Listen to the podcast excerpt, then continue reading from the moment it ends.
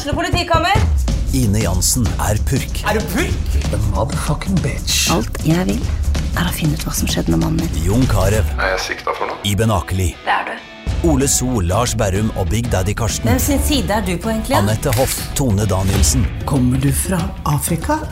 Jørnis Josef, Nesten. Kløfta. Trond Espen Seim, Det er synd å si det, men det var feil mann som døde. Purk. Premiere tirsdag på TV2 Play.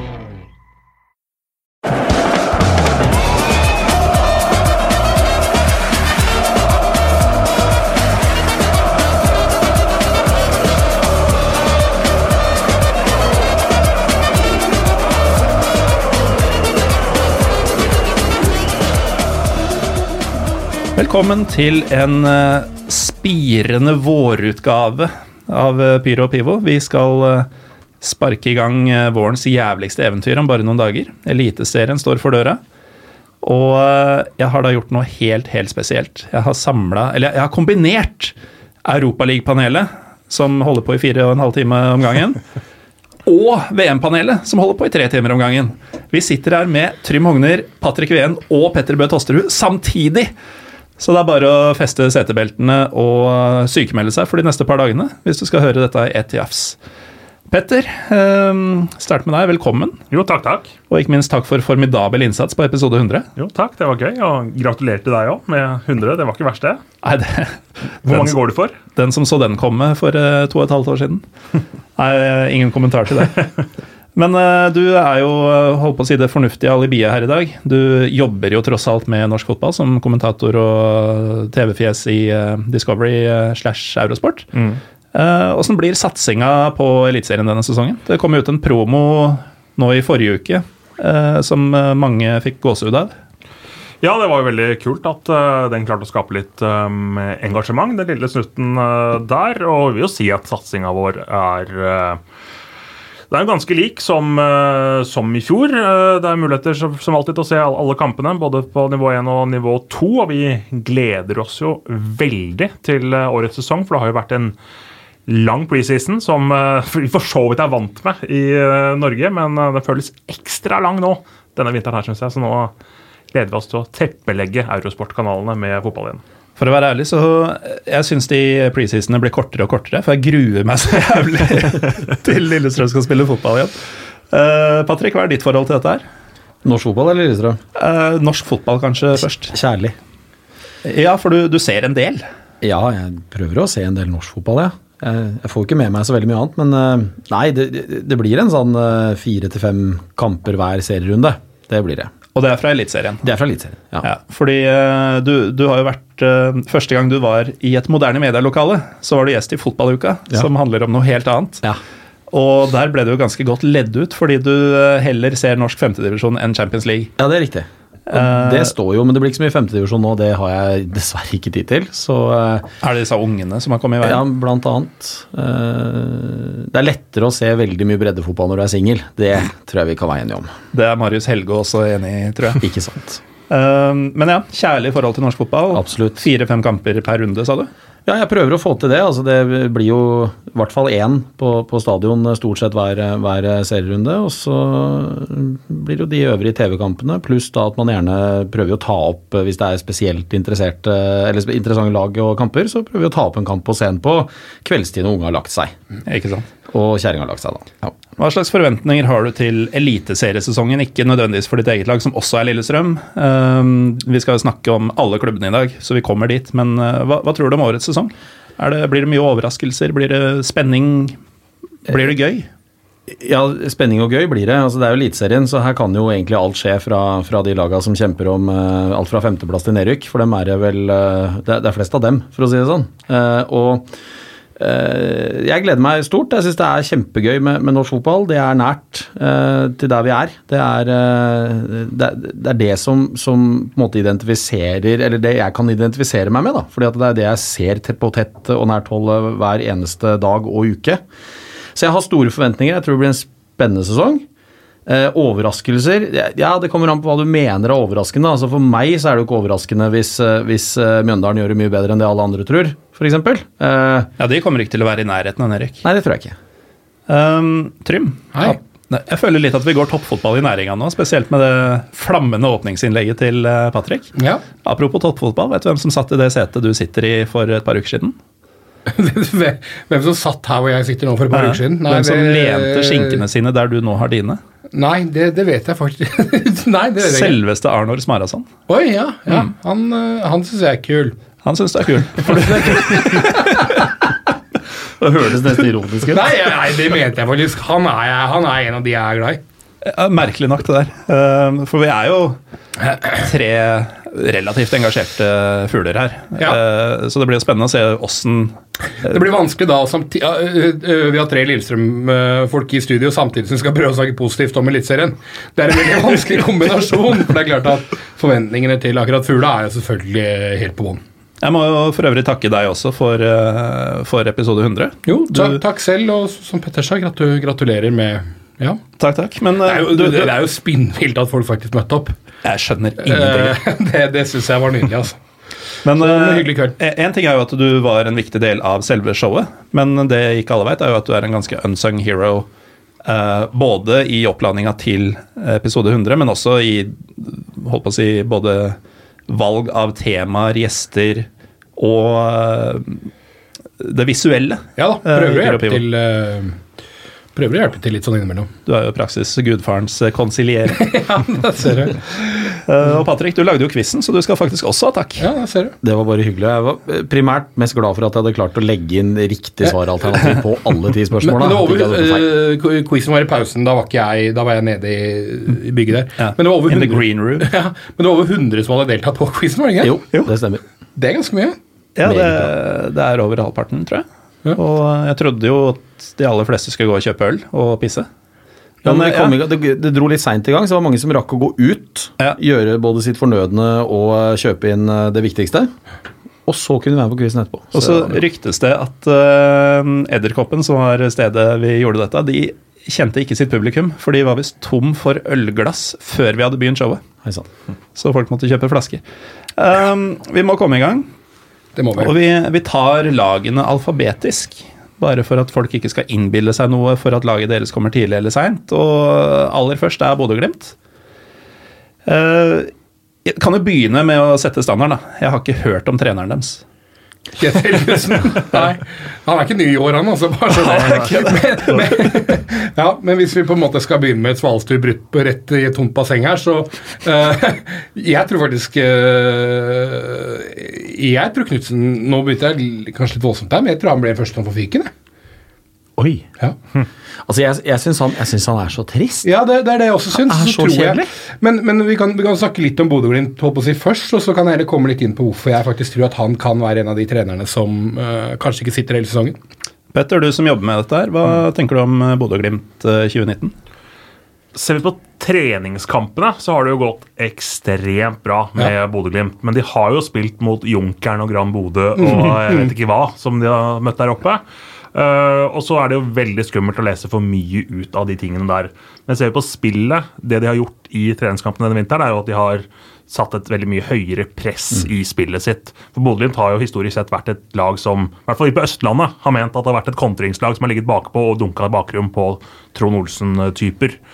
Eh, og de har jo et eh, artig lag når du ser på kantspillerne deres spesielt. spesielt. Ilajoni, som eh, er en spiller du kan egentlig sette deg ned på Sette deg ned og, og, og se på eh, på TV, bare kose deg med han. På, Eh, på sitt beste, en av de beste i Eliteserien. ja, og, han og han kan fort bli snappet opp av en større klubb allerede til eh, sommeren. Men det er litt av det som er problemet til Ja. Bodø-Glimt. da. Er du god i Bodø-Glimt, så er du der ikke mer enn eh, maks én til to sesonger. de har mista Bjørnbakk, de har mista uh, José Angel, som Mm, mm. spilte i midtbaneleddet, som er ute på lån. Uh, og så har de mista Fardal Opseth én fra eh, altså hver, hver, hvert ledd. da. Bis, antageligvis beste spilleren i hvert Ja. ledd. Og ja, de tre det, mm. det kommer til å koste dem dyrt, uansett hvor mye de har slått eh, Junkeren. Men, men eh, jeg, har, jeg har et par sånne saker når det gjelder, når det gjelder Bodø-Glimt. Altså, for det første så tror jeg Det er tidlig å komme med det allerede nå, men jeg tror kanskje vi har årets komet i Bodø-Glimt. Eh, Jeg tror Patrick Berg får en helt vanvittig sesong. Eh, Han har sett veldig frisk ut i oppkjøringa. Meget fin dødballfot, og har nå, i hvert fall sånn tilsynelatende hvis man skal tro medier og sånn, fått litt orden på hodet og litt orden på, på livet, og, og nå er vi der vi skal være og, og litt mer stabil, og da har han et ekstremt potensial. Hva har, eh, hva har vært gærent med huet hans? Nei, altså han, han ville jo ikke skrive ny kontrakt i fjor og fikk ikke spille. og så er det klart at eh, De hadde jo José Angel i den rollen, og så fungerte jo både Moberg og Saltnes veldig godt i indreløperrollene gjennom store deler av året. Så de så jo veldig veldig kompakt ut på den måten der. Eh, Men med det høyere presset som kommer nå, så, så med høye ballvinninger, som forhåpentligvis eh, for Bodø-Glimts del kommer til å skje, så tror jeg Patrick Berg har den boksåpnereffekten som gjør at de kan bli enda farligere. Og Spesielt da ut mot Laioni, eh, som du sier. Så er jo spørsmålene her hva gjør de med Bjørnbakk for å erstatte han? Eh, og hvordan, hvem skal skåre måla, Ja. til syvende og sist. Og, og jeg mener jo, jeg vil også bare si Erlend Dahl Reitan på høyrebekk er jo en, en bra oppgradering. Han tror jeg kommer til å få en meget god sesong i, i Glimt. Så jeg syns det Glimt-laget her ser sånn rimelig greit ut, jeg, altså. Ja, nei, Jeg er ikke enig i det det hele tatt. Jeg er enig i alt det du sier om Bergo. i det hele tatt, Men, men, men poenget her er jo ikke bare hvem som skal erstatte Bjørnbakk. For poenget er at de har mista tre av sine kanskje fire-fem beste spillere. Absolutt, absolutt. Og jeg ser på det de har henta inn, jeg ser ikke at noen av dem er i nærheten av det som har gått. Uh, det er henta inn en ung uh, nigeriansk spiss på 18 år. altså Du kan ikke forvente at han skal gå inn og, og i hvert fall ikke erstatte Fardal Opseth. Og så har du henta inn uh, Nikita Haikin, fra, som er russisk israelitt, som egentlig ikke har noe særlig karriere å, å, å, å vise til. Og de har og han, Jeg vet ikke om han har henta inn som en andrekeeper for Friedrich. så Det skal han vel være. Friedrich syns jeg faktisk er en, en litt undervurdert keeper i Eliteserien, men, men utover det så eh, det, det laget her ser jeg ikke at det er gode nok til å, til å Uh, altså De er ikke like bra som det laget som havna på 11.-plass i fjor. Og, og de avslutta jo hva var det, fem-seks kamper på rad uten å vinne, og, selv om det riktignok vel var uavgjort hele veien. da, men Nei, det her, det, jeg tror det blir blytungt. det. Apropos Ricardo Friedrich, så jeg jeg liker å se på meg selv som en ganske sånn fordomsfri type. Men akkurat brasilianere og argentinere med tyske navn, der, eh, der tenker jeg alltid mitt. Der, da jeg var i, USA, så hadde vi brasiliansk kaptein. Han het Rudiger Hellberger. Det er så tysk, altså. Rudiger var en veldig fin fyr, altså. Det var han. Ja, han Besteforeldrene hans derimot vet jeg ikke. Det kan ikke jeg si. Det kan jeg gå god for. Men det var en digresjon. Um, så er det mye Jeg kjenner jo ikke så godt til disse gutta, men jeg legger jo merke til at fra da jeg samla på fotballkort i 1995, så er det stort sett de samme etternavna som går igjen. Du har Evjen, du har Bjørkan, du har Berg, eh, som jeg kommer på i farta.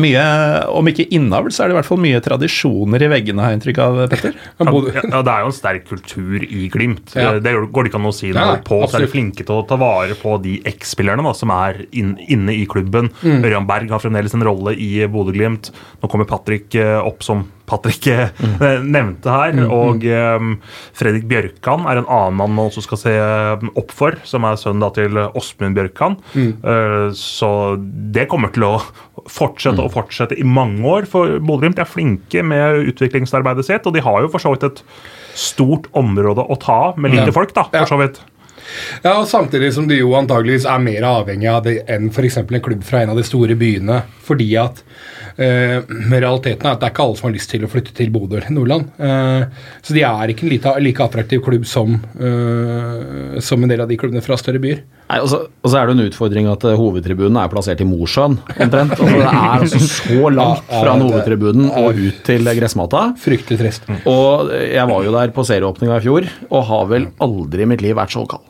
Nei. Det var så kaldt. Men- Det hagla og snødde. Nei, Ja, det var, en gru, det var en grusom kamp. Ikke fordi Lillesund tapte, for det var forstått fair nok, men, men, men, eh, men det var jo Dere snakka om at sesongoppkjøring føles lang. Den er jo, den er jo tross alt Den har jo vært lengre nå enn enn han var i, i fjor. For på denne tida her i fjor så var vi jo godt i gang.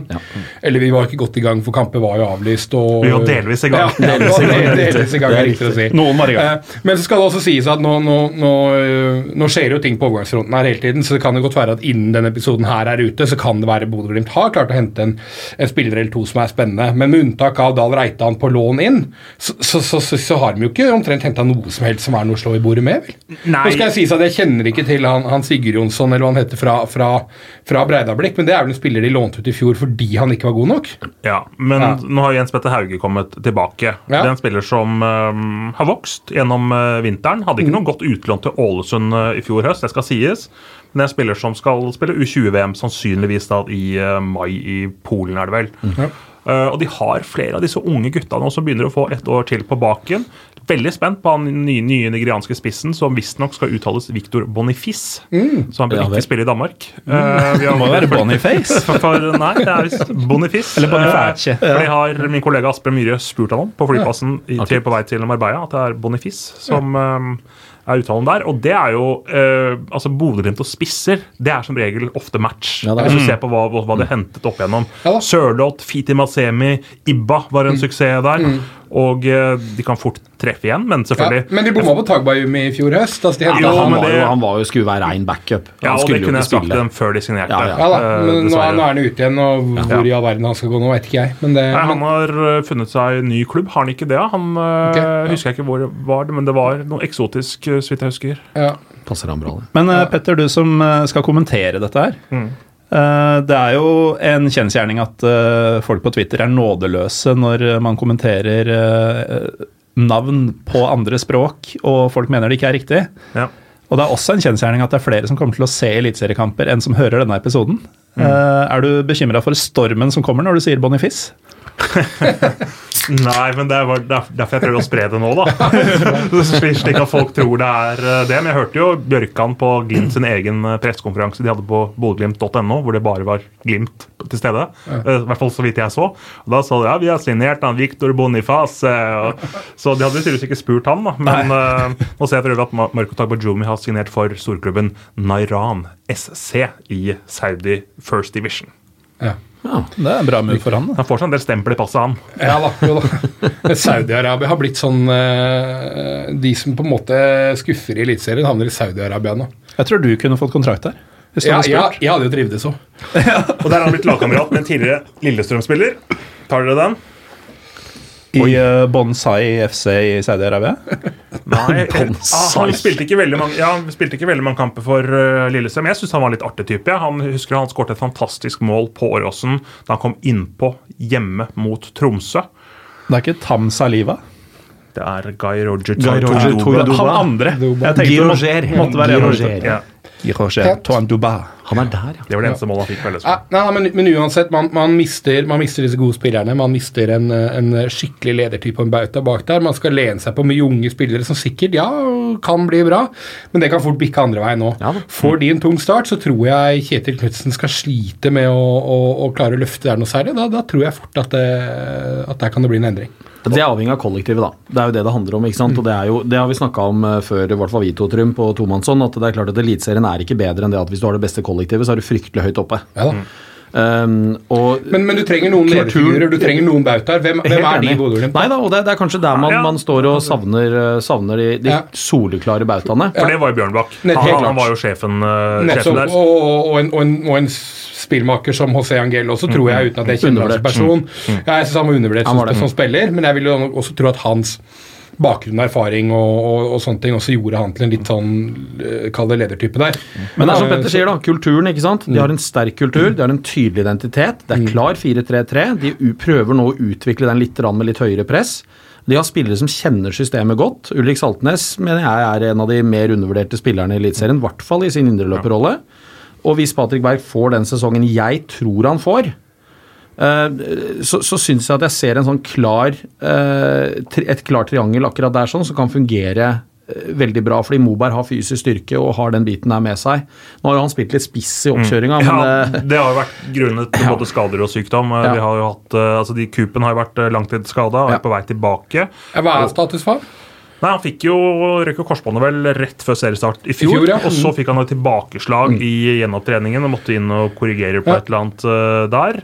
Uh, så så det blir jo på en måte en ny spiller de får inn uh, med han uh, i, i tillegg. Og så har de jo godeste nå husker jeg ikke navnet på han i farta, Geir André Herrem, som også er spiss. Men det er nok en mann som også er sånn backup. uh, han har jo rett og slett slitt med å puste gjennom eh, vinteren. Han. Ja. Det er jo det er dårlig forutsetning når du skal spille fotball. hadde noen problemer med lungene, så var derfor uh, Leikvoll Moberg da var oppe på topp i den ene treningskampen det er vel, som jeg ikke husker hvem var mot. Det var, sånn- var ikke det mot eh, Godset. I LSK-hallen? Ja, og da feide de over dem. Ja. Feide over dem. ja. Um, men eh, apropos José Angel, eh, dere sier han er utlånt.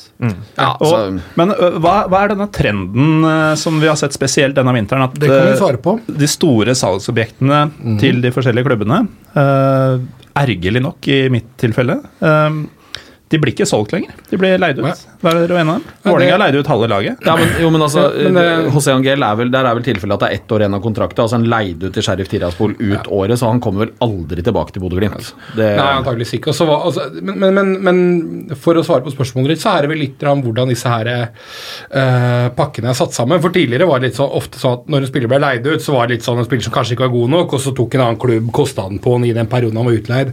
Nå har det blitt ganske vanlig, særlig fra disse klubba fra Øst-Europa og Sørøst-Europa, å tilby en, en upfront sum, altså sånn typ dere får to eller tre eller fire eller hva det måtte være millioner, for at vi nå får låne han eller leie han fram til da og da. Så da får klubba en slags overgangskompensasjon for en spiller som egentlig er på utlån. Så jeg tror det handler litt om hvordan det har blitt en trend om at dette er øh, pakkes sammen på en litt annen måte enn det som var vanlig før. Og, og så er det at klubben ikke får betalt det de føler at de bør, da. Ja, ja, det er jo selvfølgelig. med Først- f.eks. førstevalg vil Aminori ja. i Vålerenga, som eh, var fast på Vålerenga i fjor. Eh, Ble vel lånt ut nå til Orstende, eller åssen det uttales. Ja. Eh, Og da har jo Vålerenga selvfølgelig en ambisjon om at han skal bli solgt, for at de kan få den summen de, eh, Nettopp. de, de hopper på. For det kan jo da være oppsiden når du ikke har fått solgt spilleren for det du hadde hoppa på. At du, ok, greit, du får en sum nå, men hvis han gjør det ok i den klubben han er på utlånet, kanskje han enten blir solgt videre til en enda større klubb med høyere betalingsvilje, eller at man har en opsjon på hva vedkommende skal løses ut på. Men jeg er enig i at det er en, det er en interessant trend, for du, du ser ganske mye av det nå. For å avslutte Bodø-Glimt, eh, Patrick, du som har vært borte-fan eh, på mektige Aspmyra. Eh, Den gule horde, Ja. kanskje ikke all verdens til, til gjeng, men hva er håper si, den store hjemmefordelen for Bodø-Glimt på Aspmyra? Nei, altså det er jo, det er jo vind og vær, og si, altså det, er, det er kjent for dem. Og det er klart at det er jo ikke et sånt utprega behagelig sted å, å reise til for noen. Kalde garderober, nedslitt anlegg i det hele tatt. Uh, og så får jo Jobber jo opp i 160-70 puls på veien fra spillegarderoben og ut på matta, da, for det er som sagt fryktelig langt. Uh, men de har jo uh, også, Det er klart at det, Gule Horde, nei, de er ikke, de er ikke spesielt mange, mange de, men når de fyller opp Aspmyra der, så, så får de med seg ganske mye av hele stadion. Nei, men også ja, 7500 tilskuere. ja, det er jo, jeg tror ikke det tar så mye engang. Ja. Men, men, men altså, hjemmebanefordelen går rett og slett på, på geografien og det at det blåser fælt inn fra alle kanter der. og Nå har jo ikke jeg vært der hundrevis av ganger, altså, men eh, med unntak av eh, da vi sto eh, på, nede i Ranheimsfjæra. For der var det kaldt, Der er Så er vel, er vel, er vel den Bodø-Glimt-turen i fjor, den, den, den, den sitter godt i. De har jo faktisk etablert et alternativt miljø der nå, så det er noen impulser i det minste. Og så uh, syns jeg så i vinter at de fikk kvinnelig supporterleder. Aha. Det er kult. Og så har de tannbørsten, da. Tannbørsten. aldri glemme tannbørsten. Pluss at uh, Og skarptromme. Tannbørste og skarptromme, det er nydelig. Tromma var deres idé. Ja. Det er ganske sjukt. Ja, men det var skarptromme, jeg vil gjerne presisere det. Tromme er tromme. Tromme er tromme. Neste alfabetiske lag blir jo da sportsklubben Brann fra Bergen. Der er eh, mye som det alltid har vært og alltid kommer til å bli, eller? Lars Arne Nilsen, Brann stadion, Altså, regn. Ja, men altså, jeg sitter og tenker litt på, på Lars Arne Nilsen, nå, som, som kjører en ganske sånn stram struktur og veldig sånn ordensbasert eh, spillestil. Som han kaller 4-3-3, som jeg ikke nødvendigvis er helt er enig i at er en 4-3-3. Jeg, jeg er litt bekymra for den potensielle slitasjen som kan ligge i det brannlaget etter hvert nå. Ehm, og så er jeg litt bekymra for spissalternativa deres, med en Bamba som ikke slo til så mye som det man kanskje hadde håpa, og med da Kjelsrud Hansen og Karadas vel som det nærmeste av backups. Som vel, og jeg elsker Asa Karadas, altså. altså. Det er en av mine absolutt favorittspillere. Jeg elsker Asa Karadas. Hvorfor det? Han er jo herlig. altså Det er full power, det er trøkket til, det er rett inn, det er bånn ærlig hele veien. Og den målfeiringa hans som henger da i gangene oppe på Lerkendal når han skårer i Champions League og henger i nettet der med trynet gjennom, det er, sånn, det er passion. Jeg elsker sånne spillere. Men jeg er litt bekymra for akkurat den biten der, og keeperposisjonen, for å være helt ærlig. Fordi, så, så jeg føler at der ser jeg synes det ser veldig bra ut nå som de signerte ny kontrakt med Acosta. For jeg tror at han, han som kom fra Ranheim, nå står i Eggen Rismark, han tror jeg er fryktelig overvurdert. Men Acosta sammen med Formgård er et fantastisk stoppepar. De har styrka midtbanen sin etter min mening ved å få inn både Petter Strand og Kristoffer Løkberg. Så jeg syns de lagdelene ser meget bra ut. Men spiss og, og keeper, faen Holmen Johansen, han er ikke all verden, altså. Nei, jeg hører jo folk i Bergen nærmest på alvor diskuterer om det blir Oppdal eller Holmen Johansen står, som står i mål. Og hvis, hvis, det er en, hvis det er en reell debatt, da har de et jævla problem. Eh, for at Håkon Oppdal har ikke noe i Eliteserien å gjøre anno 2019. Uh, som, som en førstevalg som keeper. Og hente inn som en Det er I hvert fall ikke fra et lag som skal kjempe om medaljer. og Nei, som kom på tredjeplass i fjor, og som det er litt forventninger til i år. Så jeg er helt enig. Jeg, har jeg har fortsatt ikke helt skjønt hvorfor han sa en rad lenger ble sendt tilbake til Hanoffer, for jeg har jo forstått det som at det var et ble for dyrt. han Ble for dyrt. Ja, overvurdert da. Jo, men Han var ikke så god. Nei, det er mulig, men han, jeg, jeg tror at det Du har rett, Holmen Johansen inn der. eh, Jeg tror uansett det er nedgradering, da. Eh, og så er jo Så er det vel sånn med Bamba at uh, om, om han ikke slo til i høst, så var det vel sånn at han fungerte vel egentlig ganske bra, men det ble ikke den målproduksjonen som det har vært i Kristiansund. Så handler vel lite grann om det løsner eller ei òg. Men så har jo aldri en spiss under Lars Arne Nilsens regime i Brann skåret mer enn ti mål. Nei. Aldri. Så, så jeg tror nok at de forventningene til Bamba er veldig kunstig høye. Ja. Jeg syns Bamba er god, jeg. Men uh, om han passer perfekt til uh, den måten Brann spiller fotball på, er, man kanskje, er jeg kanskje litt usikker på. Jeg også, men Ja. Det, er, det er krevende å spille spiss i Brann. Eh, Ja. Du har 180 i puls øh, der også stort sett hele tida, for du må jage og jage og jage. Og jeg tror at øh, det er mer naturlig å, å tippe at en kantspiller eller en indreløper blir en av toppskårerne til Brann i år. Hva er din feeling for Brann eh, i år, Petter? Nei, De har jo gjort mye endringer, da. og ja, de har fått inn mye spennende med Løkberg og Strand, som er kanskje de som har utmerket seg best i vinter for, eh, for Branns del. Men er, de går på en måte litt bort fra det som har vært suksessoppskriften til Lars, Arne Nilsen også. Det å ikke gjøre endringer på laget, eh, det å kjøre samme elveren, det å være litt kjip og kynisk. Nå skal de prøve kanskje å sprudle litt mer offensivt, som de prøvde på før sesongen i fjor også. Det var litt av mantra eh, da, da de fått, fikk inn Radlinger som skulle være den spillende keeperen og, og, og alt sånn. så hvis du skal sette opp midtbanen til Brann nå, da, så sliter jeg liksom med å si dette er den klart beste midtbanen. Eh, for, fordi Hvis du fjerner Fredrik Haugen, da, så fjerner du den offensive genialiteten det laget behøver. Men samtidig så har jo ikke Haugen fått det helt til denne vinteren, her, uten at man skal legge for mye i det. Men skal du ha to løpebikkjer i Strand og Løkberg, så tenker jeg at det blir litt likt. Og Samtidig fjerner du Barmen, da, som har også vært litt hjertet av måten de ønsker å spille på, med den lange opp til Barmen, så, så kommer kanten bak på stussen og sånn. Så jeg er litt usikker på hvordan de faktisk kommer til å komponere laget. Hva som blir grunntanken til Lars Arne Nilsen denne sesongen. De har vel testa Petter Strand litt ute til venstre også, i en, ja. en kantrolle. Eh, han spilte jo litt der i Molde også. Han, han kan jo absolutt ha den funksjonen i et lag. fordi jeg er jo litt enig med Jeg, jeg mener jo for det første at når du mista Sivert Heltene Nilsen, så mista du hjertet i det laget der. Og Ruben Yttergård Jensen har vært en god fotballspiller. Det han viste i høst, syns jeg var helt krise. Eh, Ja, det var en ganske god vinter, da. jo, det, det, det, det er greit, men, men det er fortsatt treningskamper, da. Ikke sant? Eh, Og hvis han skal ligge sånn balanserende i den femmeren, som jeg mener at det er, eh, så ser jo Haugen og Løkberg ut som de naturlige supplementene, med Løkberg med motor og, og Haugen med finesse og, og pasningsfot, og at da Strand blir et alternativ med Komson på andre, sånn det kan se ut. Jeg syns balansen i det ser på papiret veldig grei ut. Det syns jeg. Men, eh, men det skal fungere sammen, som du sier. Og, og da er Barmen plutselig ute av det. Og helt riktig som du påpeker, han var nok den leieste for mange av forsvarere å møte i fjor. Nettopp fordi han søkte det mellomrommet mellom eh, forsvar og midtbane og gikk på stussen eh, opp der. Han var lei å møte. Han tok store Herlig romeriksk. Hva da? Han var lei å møte. Han var lei. Jo, lei å møte. Men jeg, men jeg synes jo, for meg så sier du et eller annet om, om Lars Arne Nilsen når en type som Vega ikke passer inn heller, da. For jeg mener han er en av de mest uh, offensivt en av de mest briljante spillere, briljante som er i Eliteserien. Og det, I fjor så fikk han etter hvert bare spille mindre og mindre, og mindre, og nå har de til slutt på en måte skippa han ut til, til Vålerenga. Og dette kjenner vi som er fra Lillestrøm litt igjen. Den der med å ha en, en, en sånn type spillestil er at det kan fungere i en periode, men over tid, og når kanskje på en måte A-planen ikke fungerer, så er fallhøyden ofte litt stor. Så jeg Altså, jeg, jeg tror ikke Brann skal møte så innmari mye motgang tidlig denne sesongen her, med den avslutninga de hadde i fjor, som jo tross alt ble en nedtur, før det her kan bli ganske, en ganske bratt oppoverbakke, altså. Jeg har, ikke, jeg har ikke de forventningene til Brann i år som jeg hadde, eller som det de leverte i fjor. Jeg var jo i Bergen Ergo jeg tror de kommer lavere enn tredjeplass.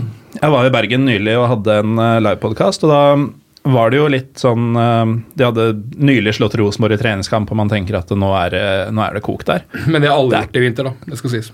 Jo, eh, men til min store overraskelse så var det liksom ikke sånn at de trodde på egentlig noe som helst i Bergen, Petter. Nei, det er vel en sånn f fornuftig realisme i tankegangen til Brann-supporterne også. Ja, hvor kommer den fra? Lars Arne Nilsen kommer den fra. Den kommer, kommer, kommer fra Lars Arne Nilsen. Hvis du husker intervjuet eh, mandagskampen Tromsø-Brann i fjor, da Brann lå vel på annenplass, eh, og fikk spørsmål da Lars Arne Nilsen ja, hva, hva, liksom, hva kan dere klare nå mot slutten av sesongen? Det var vel et fem-seks kamper igjen. Nei, håper på topp fem! Det hadde vært, eh, det, det, det, det, hadde vært en god sesong. Altså, De trengte jo han post uh, Rikard Norling, som, som snakka i, i, i altså metaforer som får det Trym uh, prater om til å framstå som ikke metaforer i det hele tatt. Og Trym er ganske god på metaforer, hvis ikke dere visste det.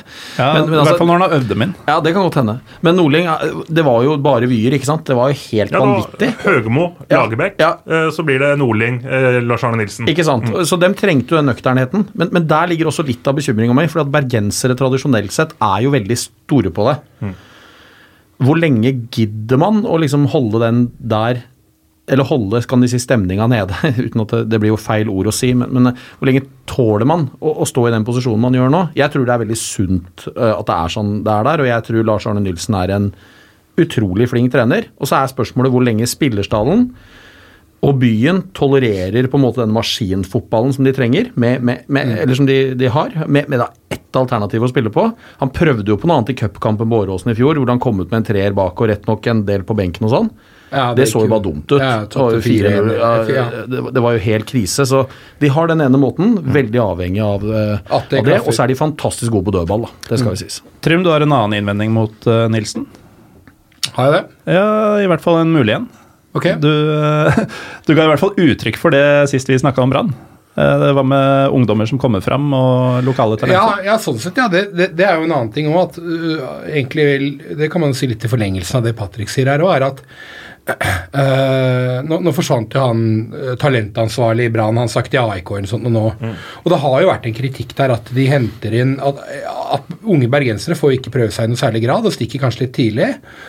Og, og det er klart at det er også, hvis, hvis da vi sier at plan A ikke fungerer, øh, og man ikke heller bruker For det, det, er jo noe, det er veldig enkelt for norske trenere å lene seg på det litt ja, vi bruker mye unge talenter og det ene og det andre, men det gjør man jo liksom heller ikke. Og jeg skjønner ikke alltid helt en del av øh, En ting er talentutvikling, men spillelogistikken generelt, da. Hva er poenget med å hente inn Markus Menert fra, fra Asker? Hvor gammel er han? 22? Ja, noe sånt. Ja, Det første som skjer når han kommer, er at han blir lånt ut til Nessotra. Altså, hva, hva, hva var vitsen med det? Jeg, så jeg skjønner, det er en del ting der jeg ikke helt skjønner hva de driver med når det handler om, om, om logistikk. da. Men, men for å svare litt på det med talentsatsingen til, til Brann, eh, så kan man jo også si at ja, Brann er vel eh, blant de klubbene, egentlig de to øverste divisjonen, divisjonene, som er dårligst til å satse på de unge spillerne. Men Lars Arne Nilsen er vel den treneren i de to øverste divisjonene de siste årene som har fått best resultater.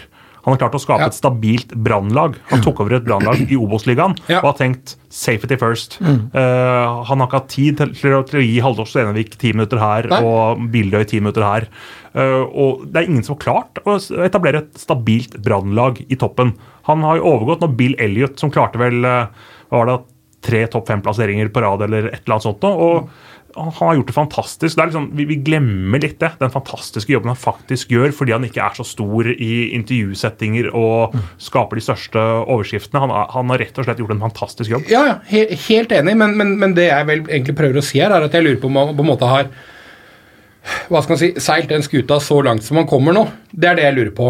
Fordi at eh, på et eller annet tidspunkt så må man på en måte utvikle dette her òg. Samme oppskrift år inn og år ut. Ja, det har fungert veldig veldig bra. Det er klart at ja, de trengte dette Nordling.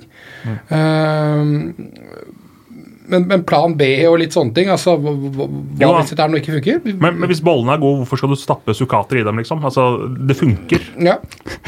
Vi, vi får se. Du sitter midt mellom to metaforiske deilig. mesterhjerner, Ja, Patrick. synes det er nydelig. Ja, vi får se. Jeg, jeg er skeptisk. Jeg, jeg tror at, uh, at det her folk kan slå sprekker. Men hva mener du at det er å slå sprekker? Er det en sjetteplass, eller er det lavere? Ja, Det er alt som er dårligere egentlig enn tredjeplassen i fjor. Ja, men Da har du for høye forventninger. Altså, Ja, hva er din forventning til Brann i år, da? Nei, det um, Fra annen til femte. Ja. Det syns jeg er realistisk Ja. ja. at Brann uh, havner. Ja. Det er ikke noe krise om Brann blir eh, fire, for å si det sånn. Nei, selvfølgelig er ikke det en krise, men, men spørsmålet er jo hvis du får negativ utvikling. Mm. uh, hvor tålmodig er man i, i Bergen da? Det begynner å bli en par år siden nå, den nedturen med Nordling. Bergensere er sultne. De vil at dette enten skal være sine egne eller noe de kan heie på. Uh, men- en men traust det- femteplass, jeg er ikke sikker på om det hadde holdt. Altså. Men apropos negativ utvikling. Eh, tilskuertallet i Bergen gikk jo faktisk ned eh, forrige sesong, til tross Ja. for en, en sportslig suksess. Og det skyldes jo delvis at de bygde om tribunene. Eller den ene tribunen. Nå er den på plass igjen. Har dere fått et eh, glimt av? Er den ferdig bygget nå? Nærmer seg. Ja, ja. Ja, den er ferdig eh, og er klar til seriestart. Og det blir jo veldig veldig bra, ikke minst for de som skal sitte og se det på TV òg, for å få liksom en, en, helhet. For det var ganske trist å se på denne byggeplassen, både fra kommentatorplass og ja, når du var på plass på stadion i det hele tatt. Lyden forsvant jo helt. Mm. Og En annen ting som jeg syns er kjempebra med den nye tribunen, er at tribunen blir dratt litt nærmere banen. Ja, for den har også vært veldig langt Ja, ja, ja. unna. Slik at Det var så- et tidligere sånn asfaltområde der. ja, Det så ut som en rostadion, hvor du så liksom trenerne og publikum gikk fram og tilbake og kjøpte is og pølser eh, mellom tribunen. Eh, den er ikke helt inntil, men ganske mye nærmere. Og det mm, vil jo gjøre stadionopplevelsen veldig mye bedre. og ja, det var plass til eh, Det var ledige seter der i fjor, selv om den tribundelen var borte. Men det gjør noe med opplevelsen av å være på kamp. Ja, og du, du, du kan få rop fram og tilbake på stadion. Du, du, det, det, så det, det, det blir kjempebra. Så i år skal de stave igjen på Brann stadion. Ja. Deilig. Ja, det Det har vært for lite staving de siste åra. det spørs om de fortsatt husker hvordan man staver det. Ja, det spørs. Nå skal jeg ikke tilbake dit på en stund, så nå kan jeg kødde litt med den. Um, videre til Haugesund, eller? Vi, vi vil jo hjem i kveld. Ja, kjør på Haugesund. Ja, hva, Du kan få starte, Patrick. Hva, hva tenker du om FK Haugesund? Jeg vil jo anta at trenerbyttet har eh, kommer til å ta litt av Altså, jeg, jeg er litt spent på det der, fordi at de, de har jo da mista treneren, som var en, eh, en vanvittig viktig trener for Haugesund, med da en eh, ekstrem fotball, fysisk krevende, masse, masse, masse løping. Um, og gode på norske begrep som breakdown og, og sånne type ting. De var veldig gode på den biten der. Men så har de også mista da eh, Bråtveit, keeperen sin, klare førstevalget. De har mista høyrebekken sin, Harald Seid. Um, Vegard Skjerve har lagt opp. Han var en ekstremt viktig spiller for Haugesund. Ikke den mest synlige, men en veldig veldig viktig spiller for dem. Eh, De har også mista da eh, Akintola, som hadde flest målpoeng, vel, for, for, dem, for dem i fjor. Um, Det høres ikke bra ut. Nei, altså det høres ikke bra ut. Eh, og så er det klart at de har jo da fått inn da eh, Grindhaug, som er en, eh, som er en humørspreder og en sitatmaskin av de sjeldne, som jeg vil tro at Petter i hvert fall gleder seg voldsomt til han skal tilbake i manesjen. Og når det gjelder signeringene for øvrig, Niklas Sandberg kommer inn veldig altså, Jeg vil si topp tre Ullkisa for to år siden, på det Ullkisa-laget som, som gleda veldig mange, hvor Kristoffer Ødemarksbakken også var en del av det. Han viste jo ikke all verden i start i fjor, men måtte jo da spille en slags venstrekant i en 3-5-2 i perioder, og, og trivdes jo ikke spesielt godt. Han var på tieren. ja, ikke sant? Og så har de da fått Ibrahim Awaji fast fra, fra, fra Molde, som en periode vel hadde den tvilsomme Altså Han hadde skåra fire mål i Eliteserien, og alle var mot LSK eller noe sånt. Det var helt vilt å se på. Det, sånn Og- er det veldig for sånn de fleste mange som har det sånn. sånn. Og så har de da fått det store spørsmålstegnet, Martin Samuelsen.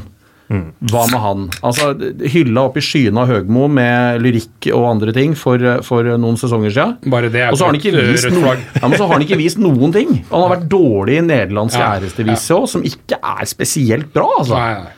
Så, så jeg er veldig usikker hvor han står. Så jeg, jeg, Haugesund er et av de lagene jeg har størst problemer med å plassere i år. Fordi det kan på en måte bli superbra med da energien til Grindhaug og, og humøret og den biten. Og hvis Sandberg, som har potensialet, og Samuelsen, som åpenbart har potensialet, sies det. Jeg, jeg har aldri sett det, men de sier så. Han er flink til å trikse og sånn.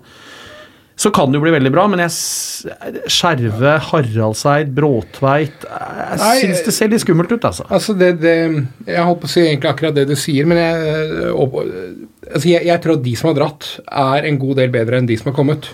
Um, Samuelsen, altså hva, hva er, det, er dette ellevte utlånet hans nå på halvannet år eller noe sånt? Nå, altså, han er jo det, det, det, det begynner jo å si et eller annet, det. da, Så lurer jeg på hvem, Nå som Bråtveit har havna i Djurgården, hvem, hvem er det som er keeper der? Han Helge um, Sandvik, Ja, Sandvik. men de jobber jo med å få keeper på plass. Da. Ja, de har jo så- hatt en der, ja. eh, 10-15 mann innom allerede. For Sandvik er ikke noe å satse på. Han, han sto noen matcher i fjor, Han og det sto noen så greit matcher ut. det. Ja. eh, i fjor med litt blanda hell, syns jeg. Han hadde noen gode kamper. Og så glapp han vel inn et mål borte mot Sarpsborg, blant Mm. annet, som jeg syns han eh, burde tatt. Men eh, de må ha noe bedre der, etter mitt syn. Han er ikke noe ungt talent heller. Har vel blitt en nettopp. 6-27, Mm. og så Helge Sandvik. Hva, mm, eh, hvor mye bedre må keeperen som kommer inn være for at Haugesund skal ha, ha noe for seg i år? Hmm, ha noe for seg. Eh, Det spørs jo også igjen da hvor du ligger, legger lista. Eh, Haugesund er jo, som Patrick sier, et frykt, fryktelig vanskelig lag å tippe. Eh, Haugesund var det laget jeg personlig tippet eh, altså lengst unna eh, Ja. der de havnet i fjor. For det er jo Eh, utrolig imponerende at det laget i fjor kom på en fjerdeplass. Det, det, Ja, for de så, de så helt middels ut på vinteren i fjor, syns jeg. Mm. Ja. Da hadde de i tillegg mistet uh, mister FKH inn mot fjorårssesongen, Tor Arne Andreassen. Mm. De mista også før, før det igjen Eirik Mæland. Så de har mistet masse uh, rutine i laget, de gutta som på en måte er oppvokst med. Haugesund-fotballen. Mm. Men så er jo på en måte Grindhaug en mann som kan ta det videre igjen, da. Eh, og så er jo de kantspillerne de har fått inn, ja, de er morsomme og sannsynligvis veldig gode, men de er veldig annerledes sammenlignet med hva de hadde i fjor. Det er jo typer da som er gode, gode til å ha ballen i beina først og fremst, da, og kan utfordre og gå på skudd og sånn, men det er ikke de bakromsalternativene som um, Haugesund hadde tidligere. så jeg er veldig veldig usikker altså, på hvordan dette her eh, kommer til å gå. Signerte en ny eh, dansk midtstopper også helt uh, nylig nå, i Benjamin Tidemann Hansen, som man ikke kjenner så veldig godt, uh, godt til. Men de, har jo hatt det med å treffe sånn tålelig bra på en Ja, del av disse overgangene vi ikke kjenner så godt til. da. Ja. Jostein Grindhaug har vel vært eh, sportsdirektør eh, de åra han ikke har vært trener eh, nå, og har sikkert visst en god stund at Horneland kunne forsvinne. Var sikkert ikke siste løsninga heller da han faktisk forsvant. Som vel gjør at man kanskje kan tenke at de har saumfart terrenget ganske godt og vet hva de vil ha når de har henta disse spillerne, Trym. Ja, du kan vel i hvert fall si at det er en form for eh, Altså, De, de starter jo ikke på nytt i Haugesund. De, de jobber jo trinn for trinn og, og, og bygger på. Og det er, men det er, det er noe sånn herlig forutsigbart over det at det var Grindhaug som kom inn. For det, det var jo Det er jo Altså, de to minste overraskelsene som har skjedd i norsk fotball de siste månedene, er at uh, Grindhaug kom tilbake til Haugesund når de mista treneren sin, og at Shaw McDermott signerte for Kristiansund etter at kontrakten gikk til helvete i Romania. Så uh, Og det tredje er at kontrakta gikk til helvete i Romania. det er ja, det også ganske si, ja, I den grad det er i norsk fotball, men ja. Uh, så det er jo en form for consistency som gjør at de kanskje kan på en måte At det kan, kanskje det vakuum ikke blir så stort som man eh, man, man frykter eller tror, men, men uansett, en fjerdeplass i fjor og, og, og få til noe lignende i år skal jo Det ville jo i så fall vært ekstremt imponerende, da. Det må sies. Og og så har de en duo på midtbanen jeg har lyst til å fremheve litt òg, for de er kanskje ikke vi på Østlandet så flinke til å fremheve. da, I Sondre Tronstad og Joakim uh, Våge Nilsen. Spesielt Joakim Våge Våge Nilsen, ja, ja, ja. som fikk eh, ja, la oss kalle det en ny vår da, i fjor, etter at han var tidligere i eh, Odd og ble jo ikke noen sånn superstjerne der. Har jo vært back tidligere i sin karriere også, men virkelig funnet på en måte sin eh, sin rolle i eh, Haugesund har blitt uh, dyrka da, som det klare eneparet de to sentralt. I tillegg til at de har Bruno Leite i bakhånd, som eh, fikk et lite sånn tilbakesteg eh, i fjor. Sleit med en del eh, skader og, og slik da, men han så jo veldig spennende ut året før, da han eh, signerte for, eh, for Haugesund. Og har litt sånne der og Touré-takter over seg på sitt aller beste. Han var jo en komet uh, i 17 da han kom fra, kom fra Skeid. Og, og eh, litt, litt rart det der i fjor, egentlig. For jeg forventa nesten at han skulle, skulle videreutvikle seg voldsomt der. Men eh, det er kanskje også litt naturlig at man, man får et lite tilbakesteg etter å ha tatt eh, raske steg. Og, og for han han så var det sikkert det at han fant ikke den tryggheten. da Han Nei. spilte jo en del på kant, og så ble flytta litt fram og tilbake. eh, Fordi de to, to sentrale ble ganske satt hos Mm. Haugesund med Tronstad og Våge Nilsen. Så har de jo også gamlefar Kristian Grindheim foran der òg, som er en smart spiller. Løper ikke like mye som han gjorde før, men er klok. så de har, de har eh, kompetanse. Men de har, de har Norges desidert mest slitsomme spiker, da. Jeg- jeg- jeg- Ja, dette, dette spurte du om lov til å få snakke Ja, om. fordi at det der det er sånn, det orker jeg ikke. Rett og slett. Altså, det er helt greit å være engasjert når du er på fotballkamp, også hvis du er spiker. Det har jeg sjøl opplevd på Åråsen en gang, og dette ut av bua der mens eh, Petter Vågan Moen skåra fire minutter på overtid. Men å lede liksom både supportergjengen og heiakoret og kioskdamene og dra i gang allsanger og rope og skrike og hoie og altså, Det er så slitsomt. Og det tar altså vekk hele det derre nydelige med Haugesund, som både er stedet og det at de faktisk da har eh, gressbane. som jo er eh, ti poeng, ikke sant? Og så har man spikeren, og så blir det null. Men er det ikke egentlig en bestemmelse i om Jo, det er norsk toppfotball eller fotballmedia eller hvem det er som bestemmer eh, når det kommer til stykket, eh, at spikerne skal opptre relativt nøytralt? Altså, det er en opplysningstjeneste til de som er på stadion. Det er, jo, det, er jo, det, er, det er jo faen ikke et heia ah, Jeg så. Ja, men det er jo det er voldsom ukultur. Jeg husker da Fredrikstad holdt på. Da var det jo nå- Kom jo, nå reiser vi vårs for guttene og sånn. Fra spiker. Ja, eh, Aspmyra pleide vel å synge det han Runar? Ja da, der har de kjørt bursdagssanger og alt mulig over anlegget der, og det har blitt litt bedre der. Men det er, det er krise, altså. Det er krise. Ja, da må de ta seg sammen. Det er helt enig. Det, det, det går ikke. Nei, enig. Jeg Eh, hadde liksom bare antatt at det var Grindhaug som var liksom som satt i de han var For det er sånn jeg ser på Haugesund. Liksom, at det, at, det ville jeg bare antatt. Han har, han har leda radiosendingen, han. Ja, det er det han har gjort ja. Haugesund. Eh, Nydelig, ass. vi har jo en uh, god venn i, i Haugesund, faktisk, eh, Trym. Mediasjefen. Ja, ja da. Så eh, hvis, Nei, men- du, hvis du hører på, Runar, det, det der må du gjøre noe med. Ja, ja Ja, gjør vær det. så snill. Vær så snill. Men uh, hva, hva kan vi forvente sportslig av Haugesund hvis du skal plassere dem i et sjikte på tabellen, Patrick?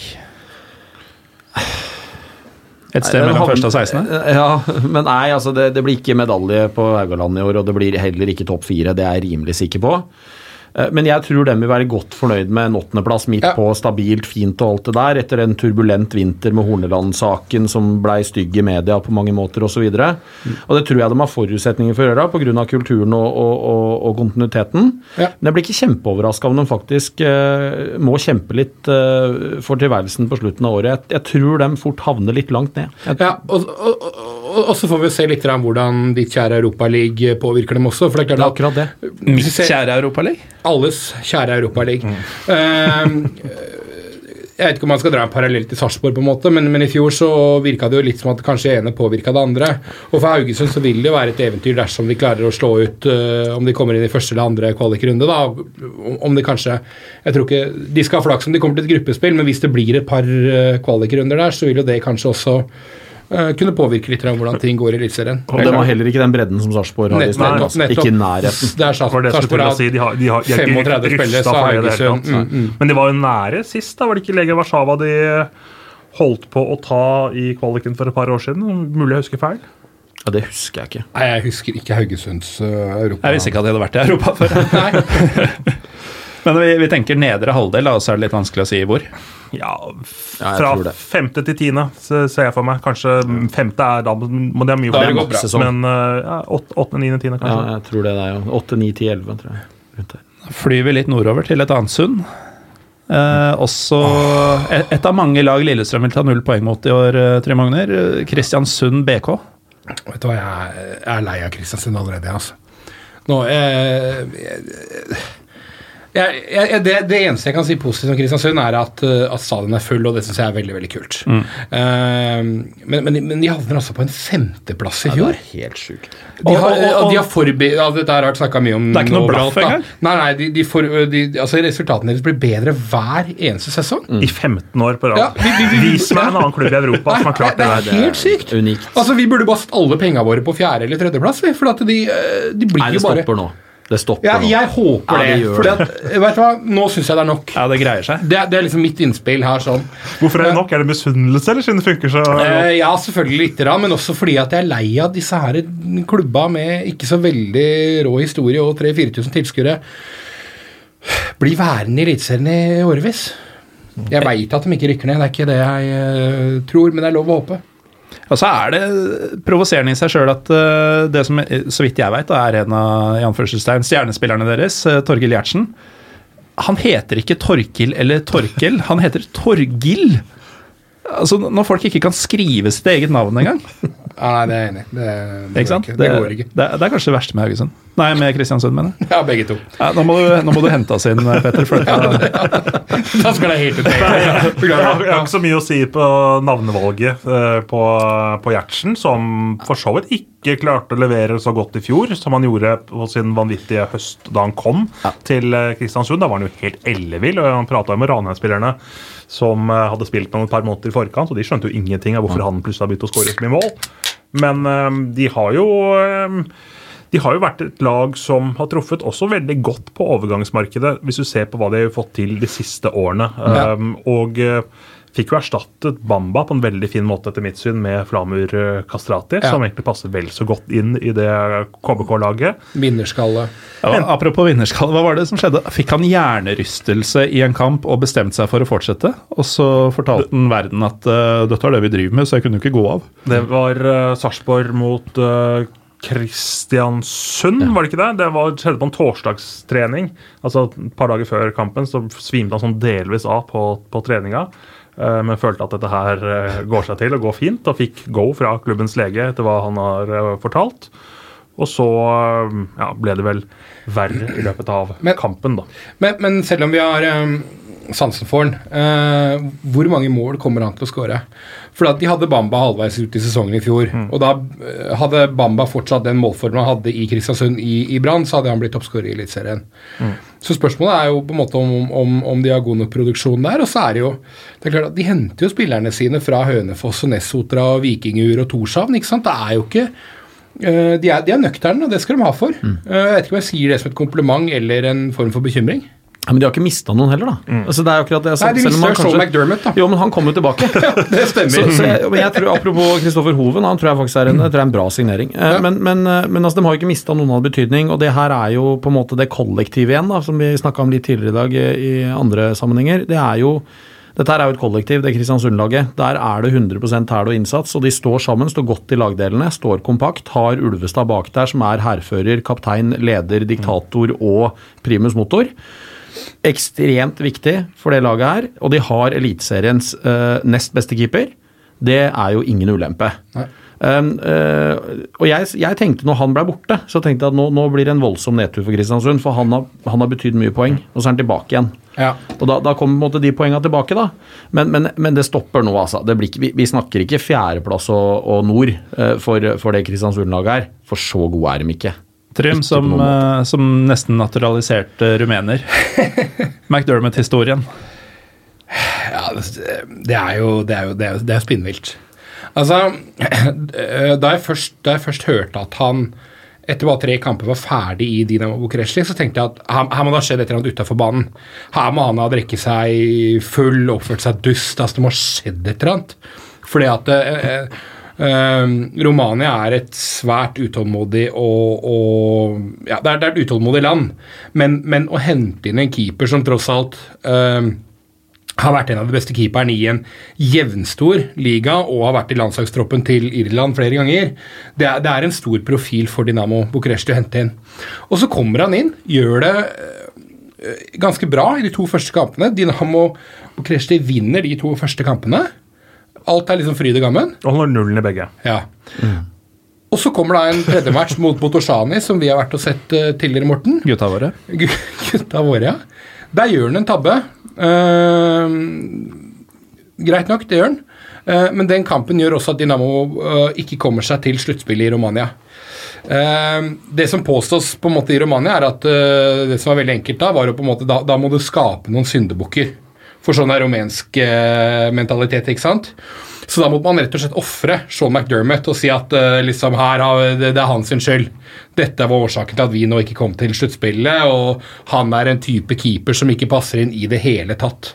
Um, så da, da ble han rett og slett sånn eh, scapegoat, og, og de ble bare enige om der nede at vet du hva, kan ikke vi bare kjøpe deg ut igjen, så, så stikker du.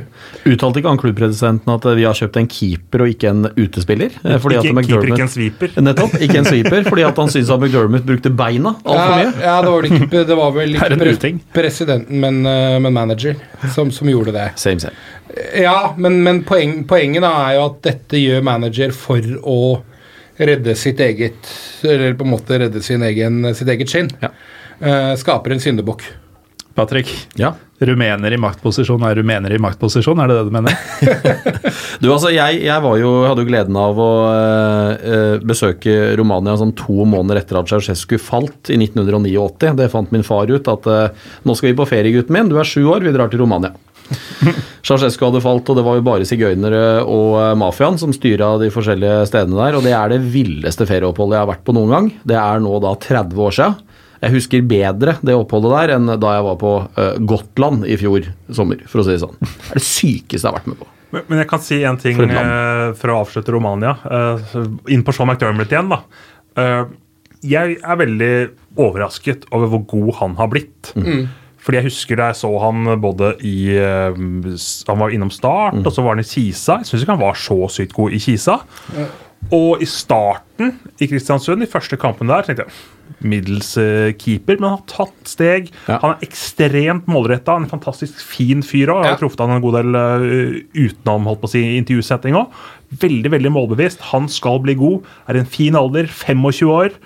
Så fantastiske nyheter for KBK at de får han tilbake. For de hadde ikke klart å få en keeper på det nivået i nærheten Nei, nei, inn porten der. Absolutt ikke. Og så er det jo nesten litt sånn tap for Brann at ikke de klarte å lande. Men, men, Ja, det eh, tror jeg, for- for det, jeg tror Brann hadde han som førstevalg. Det, det tror jeg òg. Men, men kan det her bli en nedtur for han? Altså, jeg mener Nå har han vært ute, øh, og så gikk det til helvete med en gang. Han kommer tilbake til Kristiansund, tross alt ikke det mest spennende stedet i hele verden. Og skrev vel treårskontrakt?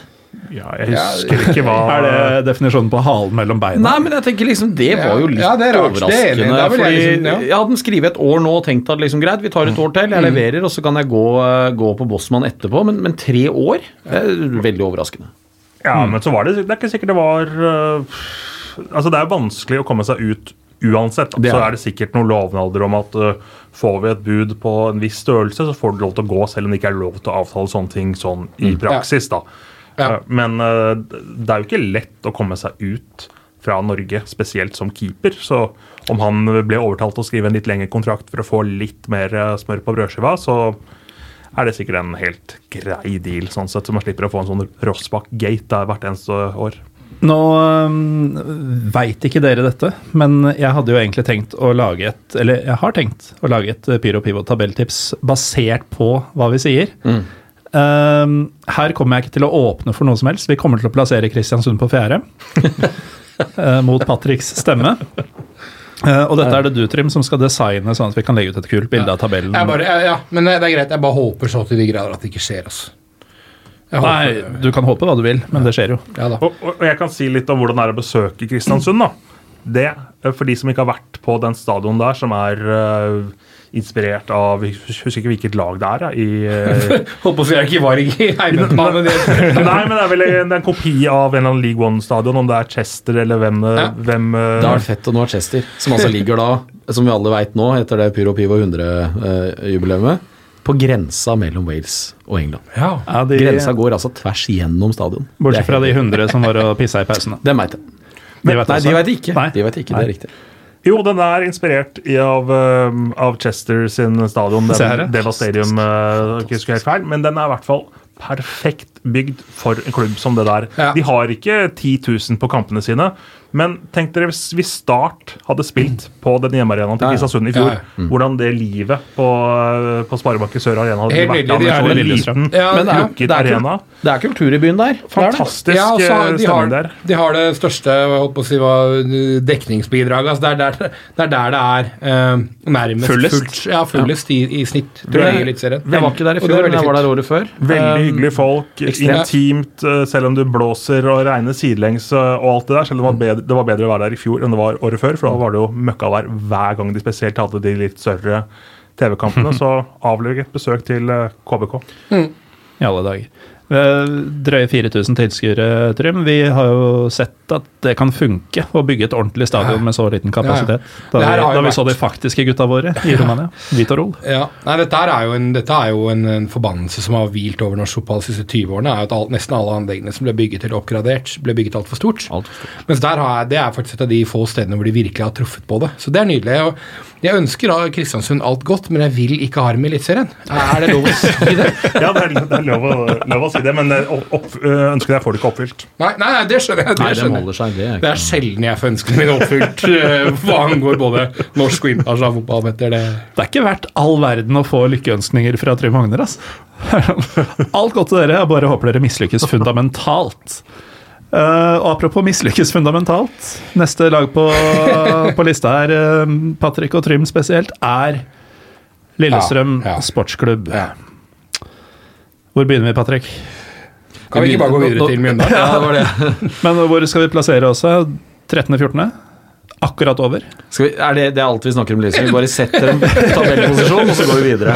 Nei, men, eh, men si noe ordentlig. Nei, men ja, la, oss, ja, la oss ta litt om uh, Nei, det var kanskje, kanskje Petter, som er den objektive Fornuftig. parten, skal få begynne. Veldig For det fornuftig. syns jeg er spennende. At vi ikke setter standard Eller det har vi for så vidt gjort allerede, men Nei, Petter, se- hva skjer i år? Ser man på spillelogistikken til LSK, så ser det jo sånn ved første øyekast ganske ryddig ut denne vinteren her, med tanke på hva de har hentet inn. I hvert fall interessant. Ja, men også sånn, det, er, det er spillere de kjenner til, øh, vil jeg tro. I og med at det er øh, stort sett øh, fra Sverige. Eller sånn sett med Gustafsson og Alex Dyer kom inn nå ganske øh, nylig også. Og godeste Salkvist som er den stopperen som kanskje Lillestrøm har venta litt på de siste årene. Etter at det har vært en del, ikke utskiftninger, men vært en del bytter på de posisjonene der, grunnet skader. Uh, Antoniewicz har vært innom. Uh, godeste Ikke Høybråten, men eh, Amundsen. Amu- Amundsen. spiller blander alltid de to. Ja, Um, det er Men, men man bruker ikke godeste foran Amundsen. Det er, det er veldig Nei. dårlig gjort overfor Marius Høybråten å blande de to. Men eh, hvis de kan få satt et stoppepar der, eh, og Kippe har jo trent som bare rakkeren eh, denne vinteren. I tillegg så har du Sheriff i bakhånd som kan både spille stopper og midtbane. Så jeg er sånn tålelig uh, positiv jeg, til hvordan Lillestrøm har jobbet uh, med logistikken. Hva er du, Patrick? Jeg er helt enig i at jeg syns logistikken er bra. Altså, jeg syns jo egentlig de siste åtte-ti signeringene vi har eh, ser vi igjen, ikke sant, har gjort i, i sportsklubben, er, er steg i riktig retning. Man har på en måte erstatta eh, spillerne som har gått ut, med noen som ser ut som de er bedre. Eh, og det, det er jo en viktig riktig måte å gjøre det på. eh, mens vi i perioden spesielt da fra 14-15 og fram til eh, 18 tilsynelatende bytta ut gode spillere, som rett nok var altfor dyre for klubben, med, med, med dårligere spillere presumptivt. Så er det jo noen av de som har slått bra til, da. Eh, Vi har jo eh, i LSK Eliteseriens desidert fineste fyr, i Simen Raffen, som jo hadde en eh, dårlig eh, historikk bak seg, både med skader og det ene og andre, men han har nå vært en, eh, en, en tålelig bra suksess. og husker da han ble signa, så um, var det eneste bildet de klarte å bruke som, som de ikke tok på lanseringa, det var at han, var, han så rett og slett feit ut i jeg tror det var. Fredrikstad, Han hadde, hadde vel ikke øvd, eh, trent på en stund. Nei så litt sånn Men det er klart, altså, det, det, er jo, det er jo spilleroverganger eh, som har vært tema der, men, men det er jo også det at man har fått en, en annen trener inn gjennom fjorårssesongen som står for en veldig annerledes type fotball, som jo eh, alltid er et usikre, usikkert moment. Eh, eh, og så tror jo jeg at eh, vi for første gang på mange, mange år ser at vi har konkurranse i en del posisjoner, um, og det er positivt. Jeg ser nå at det er fire stoppere som kjemper om to plasser, hvorav Sheriff da kan spille sentral, som du også sier. Eh, Det er et par unggutter på vei opp. Moses hadde veldig godt av utlånet sitt i Strømmen i fjor. Eh, Fikk god sjøltillit, og, og for å sitere en god kompis, han har økt fotballforståelsen sin med 1000% i løpet av vinteren, og det er jo klart det er veldig godt eh, å, å høre det. Um, og så er man jo selvfølgelig spent på hvilket nivå Gustavsson, Dyer, Salkvist osv. er på. Men, men, uh, men uh, jeg, jeg syns at uh, det har vært mange steg i riktig retning. Og så får vi bare håpe at det kommer. Og så tror jeg Kristoffer Ødemarksbakken får en kjempesesong. Du er er ikke den eneste, eneste som har sagt det, men uh, altså Moses, Moses Ebie er, eh, er han vi snakker om. Toppskårer for Lillestrøm i treningskampa. Det, altså, Tre mål bare, så vidt jeg vet, er ikke all verden, men man tenker jo sånn Lene Olsen er, som en god eliteseriespiss. Ja. Um, Moses er også den som har spilt mest, da. Ja. Uh, skal vi si, Smarason har jo vært ute med, med både skader og, og vært på islandsk landslagssamling og ble jo ikke klar for klubben igjen før det- godt stykke ut i januar, altså helt på slutten osv. Så, videre. så Moses er jo den som har, som har spilt mest også. Men uh, jeg tror han kan bli fæl å møte for en del motstanderlag det siste kvarteret hvis han kommer inn med friske bein. Da tror jeg mange skal, skal få det litt tøft med han. For han er i ferd med å knekke koden. hva tenker du, Trym? Er det, er, det noe som tyder på at noen i Lillestrøm er i ferd med å knekke noe kode? Nei, nei, nei. Nei. Men, men absolutt ikke. Men, men bare for å ta det først, da, det er- helt riktig det at det jobbes veldig riktig i Lillestrøm. Bare for å ta noen eksempler utafor banen, og så har man jo henta inn en eh, Jon Knutsen som en keepertrener nå. På denne tiden her sånn i fjor så hadde man allerede bytta keepertrener. Eh, da hadde man først tatt inn han portugiseren fra Lyn, som jeg ikke husker navnet på. Ja, og så kom Thomas Gill, som ikke hadde vært i fotballen på 13 år, komme inn. Og så ser vi i begynnelsen av sesongen så sliter Maric, gjør flere tabber, og Igon kommer inn, er ikke noe særlig bedre. Maric i mål så veldig bra ut etter hvert utover sesongen i fjor. Bra sesong. Hvis han bra. fortsetter å utvikle seg, så har man for første gang på veldig mange år en stabil, bra keeper der bak. Det er viktig. Eh, så er det klart at man mister jo man mister jo en, en profil i Maffy, man mister en fyr som har spilt liksom 100 pluss kamper i Marius Amundsen, uh, og man mister to ledertyper, Erling Knutson og Stefan Antoniewicz, selv om ingen av de to var spesielt toneangivende for laget i fjor. Altså Av de Eh. fire kommer jeg desidert mest til å savne Antoniewicz. Ja, ja, det, er- det, det, det er ikke noe å lure på. Uh, men men uh, Dere må jo savne Erling Knutson mest, etter hva han har gjort for Lillestrøm. Nå må dere skjerpe dere. Lyngutten Nei, nei, nei. ja, jo, men, men det er det jeg mener. Altså, som, som type så kommer han til å savne Erling Knutson. Men han, han hadde ikke noe å bidra med i fjorårssesongen. Nei, sportslig. siste halvannet året, Han, så- han, er en, han er en ledertype og en utrolig fin fyr. Det får du ikke erstatta så veldig lett. Men det han bidro med på banen i fjor, hadde null verdi. Nei, Altså, Jeg er enig i at hans sesong i fjor ikke var spesielt god, men hvis du savner han, altså hva han har gjort for Lillestrøm Ja. over lang tid Ja. Eh, men, men, men, det som er litt spennende med noen av de spillerne som kommer inn, eh, det gjelder jo egentlig både Daniel Pedersen og Smarasa som kom inn halvveis i fjor, men også Salquist, Gustavsson og Dyer som kommer inn nå, er at man henter inn spillere som forhåpentligvis selvfølgelig er gode, det prøver jo alle klubber å gjøre, men dette er også ledertyper. Fordi at uh, kapteinsteamet i år, det blir ikke det, Tidligere har det liksom vært Kippås, og hvis Kippe er skada, så er det litt sånn på Så rundgang. Knutson tatt eller Kjell Michaelsen, ikke ja, sant? litt, Ja, så, ja. litt sånn tilfeldig. Uh, Smarason og Daniel Pedersen kommer til å få enda klarere roller. Mm. Uh, Alex Dyer har vært kaptein uh, i Allsvenskan. Ja, og, og var en viktig del av den oppsvingen de på en måte starta der. Så han var ikke med på Europaligaeventyret, for da hadde han dratt til Elfsborg. Eh, så så man, har noen, man har noen ledertyper i laget, og det er jo litt spennende. Det, det, det skal selv jeg innrømme. Og så har man også henta spillere som har erfaring fra et høyere nivå i alle disse her. Eh, Det, fordi at jeg mener jo det at selv om jeg elsker Eliteserien, så syns jeg både Allsvenskan og Superligaen er ganske mye bedre enn en det Eliteserien er. Og, Ja, Superligaen i hvert fall. Ja, i hvert fall Superligaen. Og, og der, der kommer det inn noen. Og Alex Dyer altså han, han, gjorde, han hadde ikke verdens mest suksessrike karriere i Elfsborg, Vi gjorde altså ti mål på 28 kamper. Fra sentral midtbaneposisjon. Så det er jo en poengplukker. Det har vi ikke hatt på midtbanen på lang, Nei. lang tid. For Matthew var mye bra. Maler i Mertær, kanskje. Jo, ikke sant. Eh, han hadde helt andre ting han sleit med. Ja, han var ikke Men- noen ledertype. Nei, men, men ikke sant? det, det jeg ser på positivt, vi har hentet, LSK har henta spillere som er litt, litt mer voksne spillere. Med, eh, altså i alder, med mer erfaring fra eh, bra nivå. Og det vil forhåpentligvis slå positivt ut i et lag som har mangla litt ledertyper, som du sier, Trym, og som har vært ganske ungt. Ja, Men la meg, ta, la meg bare få lov til å rante litt mer om hvorfor dette kommer til å gå til helvete. Ja. For det første så sliter man noe voldsomt på venstreback-posisjonen. Eh, der har man valgt i sesongoppkjøringa i år å flytte Raffen til sin naturlige posisjon på høyrebekk. Jeg tror at det er en kjempetabbe, uh, selv om Raffen sjøl ønsker å spille på høyrebekk. Eh, Så gjør det at Simen Kinn Micaelsen må spille på venstreback. Det har eh, ført til flere tabber som har eh, ført til mål imot i treningskampene så langt. Han sliter noe voldsomt. Der er det ingen dekning bak han. Man bruker Josef Bakai, som er 17 år gammel, litt bak han. Josef Bakai er venstrebein, men ikke egentlig back. Er du enig i det, Patrick? Ja, så han, han blir nok det. Ja. Det Jo, liksom han blir, Stian, det jo, blir liksom- men- blir jo, liksom- men alternativet er Ja, en 17-åring som ikke egentlig er back. Ja, men Jeg ser litt Stian Ringstein, da, som egentlig kommer som en vingespiller. ikke sant? Og Det samme var Kinn Micaelsen, spilte jo wing i Kisa Ja. eh, i, i lang tid. Og så kommer han og blir omskolert til back. Ja, og det har ikke fungert i det hele tatt. Fungerte litt i begynnelsen. Og så er det- han først- blir bare ja. dårligere og dårligere. Ja, men det er akkurat det. altså Men- De første to åra til Simen Kinn så var han veldig god, han. Og Det er- så har det er et veldig stort problem. Etter hofteskaden hans så har han liksom ikke hatt samme bevegelsesmønstre. Men så har man jo, da, da Mats Håkenstad kom inn for to år siden, så ble jo han henta inn, og dette uttalte klubben, som en høyrebeint venstreback. Eh, så det er jo sett et slags alternativ, det også, men det, det er jo Ja, man, trodde, man trodde jo også på at Melgalvis var, var back. Det var nok i nærheten av å kunne være i Eliteserien, selv om han kan være en ok offensiv spiller. Han var back i strømmen, han òg, ikke sant. Ja, Sliter for øvrig veldig med skader, så vi får se hvor mye vi får sette han i år.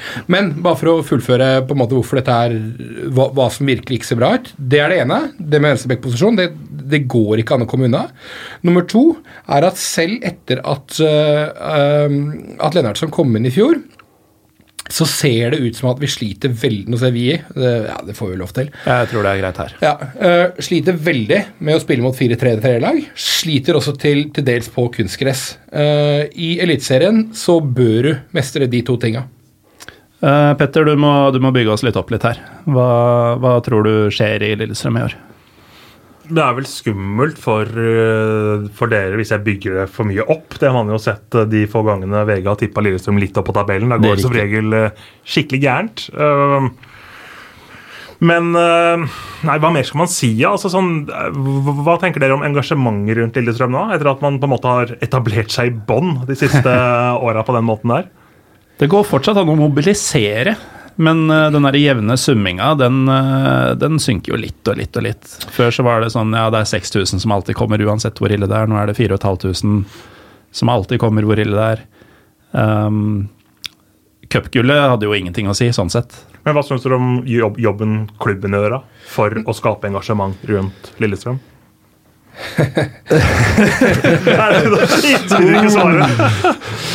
Trym hånflirer igjen. Nei, her skal jeg være forsiktig med å uttale meg altfor kategorisk, fordi at jeg har en del venner som, som Eller folk jeg har sans for som jobber i klubben. Men uh, det jeg kan si, er at uh, hvis vi ser det litt fra sånn supportermessig perspektiv, så har Lillestrøm, eller Kanarifansen har fått inn et nytt styre som ser ut som et utrolig punchy styre. Mm. Som har massevis av planer. I tillegg så er det mer samarbeid nå mellom markedsavdelinga i klubben og øh, folk. Ja, folk, fans generelt. Um, så det også kan hjelpe. Men det er klart at uh, ja, cupkullet var veldig fett, men 10-11 år med motgang det, det, begynner å tære på en klubb som en gang i tiden var blant Norges beste. Mm. Um, men, men, men igjen, det jobbes mye riktig. Uh, det er en lang vei å gå fremdeles når det gjelder en del av de tinga som har med markedet å gjøre. Mm. Men hva hva vil, hva vil, du være fornøyd med for Lillestrøms del, Patrick? Å unngå nedrykk, eller tenker du litt høyere? Nei, altså jeg har, lyst, jeg har lyst til å gå på de tre siste hjemmekampene på Åråsen. Ja, la oss være litt uh, Ja. De to siste hjemmekampene på Åråsene. uten å være livredd? én til to bortekamper uten å ha 190 puls fra før jeg ankommer stadion. Det er drømmen. Altså, en rolig sesong, gjerne sånn midt på treet, uten noe særlig. Det, det ønsker jeg meg. Mm. Eh, 2014, 2015, eh, så, altså Hagelund 2014 femteplass, eh, Kristinsson åttendeplass eh, i 15.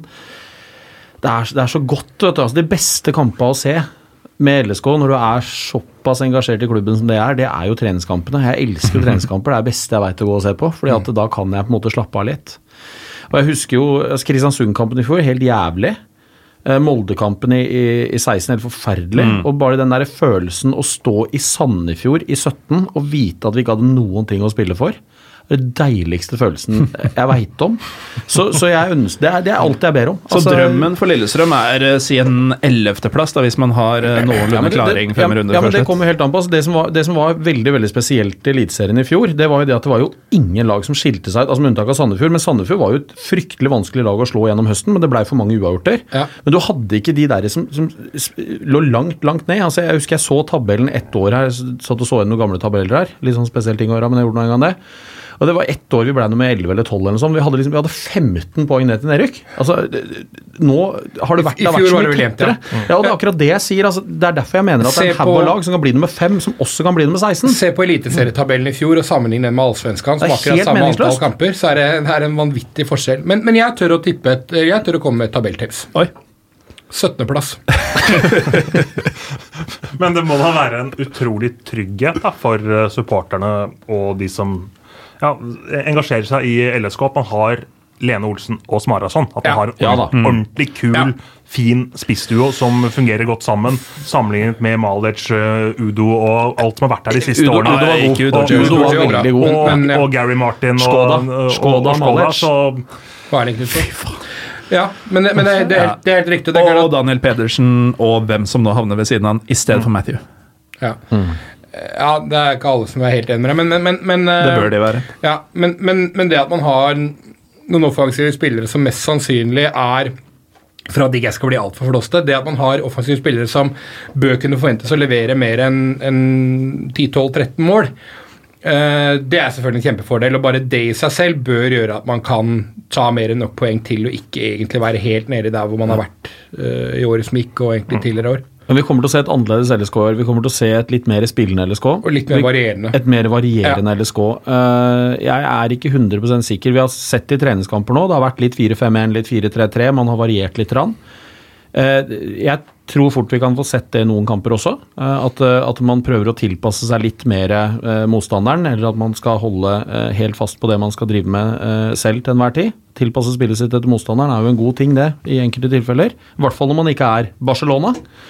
Så, så det også er jo veldig positivt, men samtidig litt usikkerhet rundt det. Så jeg, jeg eh, altså gi, gi meg en, en rolig serieavslutning, tre-fire kamper på slutten her, så skal jeg være fryktelig glad. Skal vi si sjikte 9 til 13, da, og så gå videre til Mjøndalen?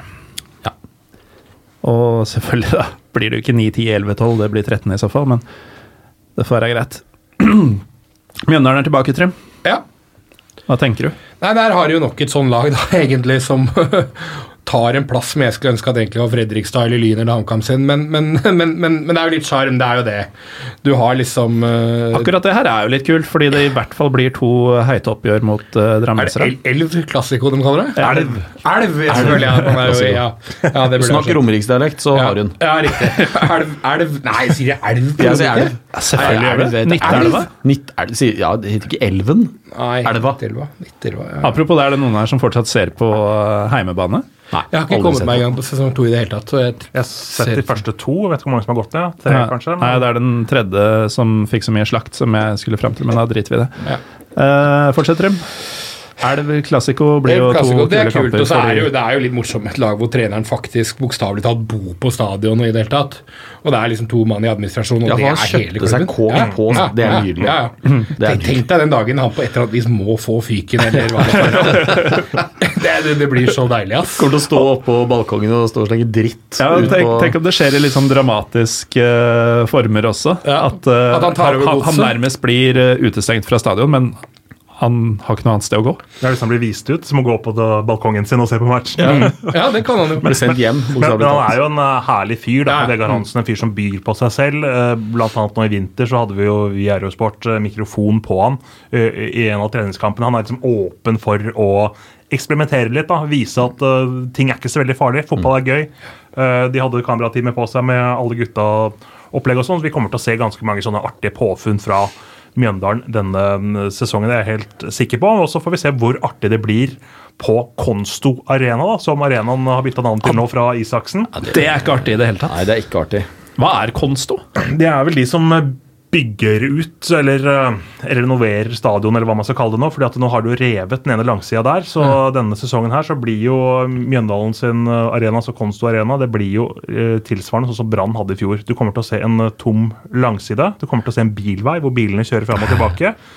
Um, så um, det er jo veldig kjip timing for Mjøndalen at det kom i år, da. Men det er litt av greia at hovedtrener fikk en billigere leilighet av de fikk ha på stadion, eller hvordan er det det er sammensatt i en så Nei, og så, og så får du også se da at uh, Niklas Bentner og Rosenborg må gå over veien fra garderoben inn til uh, match. Så det blir litt uh, breddepreg over det. Ja, Det er sexy. Uh, færøysk preg over norsk fotball. Eh, det er nydelig. Men eh, um, eh, de, hvis vi tar det sportslige, de sliter jo noe voldsomt nå på keeperplass. Ja, de har ikke keeper. De, har ikke keeper. de, hadde de lånte fjerdekeeper til eh, Lillestrøm uh, i en treningskamp her for noen dager siden. Men de hadde ikke keeper sist det var Eliteserien heller. Nei, da kom han Pris Jørgensen etter Nei, da hadde de Ivar Andreas Forn. Ja, stakkars. Stakkars. Nå var du ufin, Petter. Nei, men det gikk ikke bra. Nei, men det gikk jo ikke bra. Det, Han var ikke ikke i nærheten av eliteserienivå, stakkar. Han hadde ikke noe i topp fire engang å gjøre. Altså, Da snakker du topp fire divisjoner. Divisjoner, ja. Ja. Færøysk nivå. men de har jo i utgangspunktet en veldig god keeper, Sosha Makani, Ja, ja, som, uh, Antageligvis, antageligvis eliteseriens beste keeper, faktisk. som er langtidsskada. Jo, men det, det er ikke kødd, altså, Og Morten. så stakkars George Bocquet, som mm. brakk Brakk, foten mot ja. uh, Sandefjord vel, i en treningskamp. Ja, og Rufo fikk rødt kort. Ja. Det er beste det er, altså, det er den verste dommeravgjørelsen jeg har sett noen Men eh, ok, vi skal, ja. Ja. Forferdelig Men, dommeravgjørelse. men hva, hva er status med Makani? Er han nå fremdeles i Iran? Og Nei. hvorfor er han i Norge, Han- eller hva er greia? han er i- For han måtte jo plutselig reise tilbake på et eller annet tidspunkt. til Iran, et land han nesten var bortvist fra fordi han hadde hatt på seg en fancy bukse på et bilde på Instagram. Svampebob-bukse. Ja. Og da får du ikke lov til å bli boende i Iran. vet du. Er Nei, Hva som er status på han nå? At han er skada, og de håper at han kommer tilbake til rundt juni, når du tenker på spill. da. Eh, nå på si så har jeg vel hørt noen rykter om at han starter opp noe gatekjøkken eller et, et eller annet sånt og har litt andre jern- jern i ilden, så det kan jo være godt å få, få spist litt iransk mat eh, i Mjøndalen, eller, eller hvor han skal åpne den. Jeg håper den skal der. åpnes da på stadion. Inni leiligheten til Vegard Hansen. Eller bruke, i hvert fall bruke kjøkkenet hans. Nei, Ja, men, det er eh, nydelig. men hvis den ikke kommer på plass før seriestart, da, så, så finnes det et nydelig kebaberi i uh, Mjøndalen som heter Efes. Oi. For de som tar eh, den referansen. Ja. uh, dit dro jeg ens ærend en gang for å teste ut. Efes mot Snappy. Ja, ja det, det er den virkelige Men, elv men, men uansett, da, keep, de, de, de jakter som bare det på keeper nå. Uh, uh, innen denne episoden her er ute, kan det være de har lykkes der, sånn, men, men uh, utover det så har det ikke vært sånn veldig mye som har skjedd på overgangsfronten. der, sånn. De Jo. holder De har mista Jonathan Linseth. Hvem er det? Ja, til Sarpsborg. Ja, og han var uh, veldig toneangivende i det Mjøndalen-laget Ja, i ja. fjor. Hvert fall, nå jeg skal ikke jeg skryte med at jeg så veldig mye av dem i fjor, men jeg så vel en fire-fem matcher, og jeg syns han var steingod hver eneste, eneste gang. Um, han er et stort tap for det Mjøndalen-laget her. De har prøvd å erstatte med en som ikke heter Linseth, men Liseth, og det er jo eh, antagelig Det høres ut som en litt sånn der dårlig kopi. Og så har de jo henta Fredrik Brustad, som jeg Ja, der er jeg skeptisk. ja, altså. der er jeg skeptisk Der er jeg veldig skeptisk. Og Akim, Akim Latifu har også kommet til, og det også er veldig rart. Eh, Men, ja, men, men, men det han har er- vært god i treningskamper for dem. jo, men han han som har vært best for dem i treningsmarsjen, er jo William selv. Han har jo faktisk sett helt vanvittig ut, men er jo tiltenkt å være backup på både den ene og den andre plassen. Men jeg tror fort han får eh, fast plass på det laget der inne ved å skrive sjette serierunde. Ja. Han ser bra ut. Men, men, men, men Altså, Liseth erstatter Linseth. ja. William selv, er, har han noe med Wilhelm Tell å gjøre? Ingenting. Nei, Ikke ok. som jeg vet. Men uh, Liseth er jo i utgangspunktet spiss Ja, det er helt annet. kant-alternativ. Uh, Ja, ja. For øvrig tidligere verdensmester på vannskuter, så har vi da nevnt uh, ja. det også. Fysisk type. Den. Eh, masse fysikk. Kommer til å tilføre det laget en del. Men er jo litt uprøvd da på dette nivået. Ble henta fra Nest eh, Sotra. Så har de også Oliver Ocean i bakhånd. Ja. De har et eh, stoppepar som også kan eh, knuse murvegger, med Kent Jansen og Sondre Solholm Johansen. Men det blir litt sånn der, kan fort bli litt sånn traust, det Altså, det- Mjøndalen-laget. Det, det jeg sliter litt med, for at så Mjøndalen i fjor eh, begynte jo ikke all verden i Obos-ligaen, og det var jo litt tumulter der med Vegard Hansen. Fikk litt, han fikk litt kritikk for lederstil og det ene og det andre, eh, så vidt jeg husker. Var, ikke det før Det var- det var eh, før- fjor- fjorårssesongen? Det var det vel uansett. Men, men de begynte altså, I alle tilfeller. De hadde et kompakt, godt lag i Obos-ligaen. Mm. Skåra ikke veldig mye. Slapp inn veldig lite. Og så er jeg usikker på, når de går opp et nivå, vil de være like solide defensivt eh, i en eh, bedre liga? Det tviler jeg på. Og vil de skåre nok mål? De slapp inn 24 i fjor, som er ekstremt bra. Altså Ja, det- under et mål i Det, det, er, snitt. det er helt vanvittig. Men de skårte 49. Ja. Jeg tror i utgangspunktet at det er et bedre utgangspunkt å ha. At du er god defensivt, og at du er enda god offensivt. Jeg er enig i det. ja. uh, så, Når du tar det steget så, fra- så jeg tror at Mjøndalen, Mjøndalen har en liten sånn fordel kontra Viking akkurat på det er der. helt enig. Sånn som vi så med Glimt, eh, som var nyopprykka i fjor. Nå gikk- jo for så vidt ok med, med Glimt. Mm. Eller det var vel ja, en stund siden Glimt var nyopprykka, for så vidt. da. Men det året satte de jo målrekord, og Fardal Opseth dunka inn eh, her og der og sånn. og ja, jeg tror det er en stor fordel å ha Ja, det. Jeg er enig i det, men Ja. de er, nødt til å, de er nødt til å holde målsnittet veldig lavt. Altså, Ja. De kan ikke slippe inn noe særlig mer enn 1,3 til 1,4 mål per match. Og spørsmålet er om de klarer det, for jeg tror ikke altså De 49 måla, det blir fort til 38. ja, Og, og, da og, og, og ikke minst øh, Det handler jo selvfølgelig om hvordan man, man organiserer seg defensivt, men det handler jo faktisk også om å ha en bra keeper inn. Så handler det litt om hvem er det som faktisk klarer å få inn der. Det er jo interessant. Når det er sagt, da, så føler jeg jo Du sa Latifi og at det ikke er all verden og sånt, men, men med både Brustad og Latifi inn, selv om jeg ikke syns noen av de er briljante i Eliteserien, så er det, det er veldig erfarne spillere. Ja og så har du Oliver Ocean. Altså det, er mye, det er mye erfaring i det laget til å være et nyopprykka lag. Og så er de veldig farlige på offensiv dødball.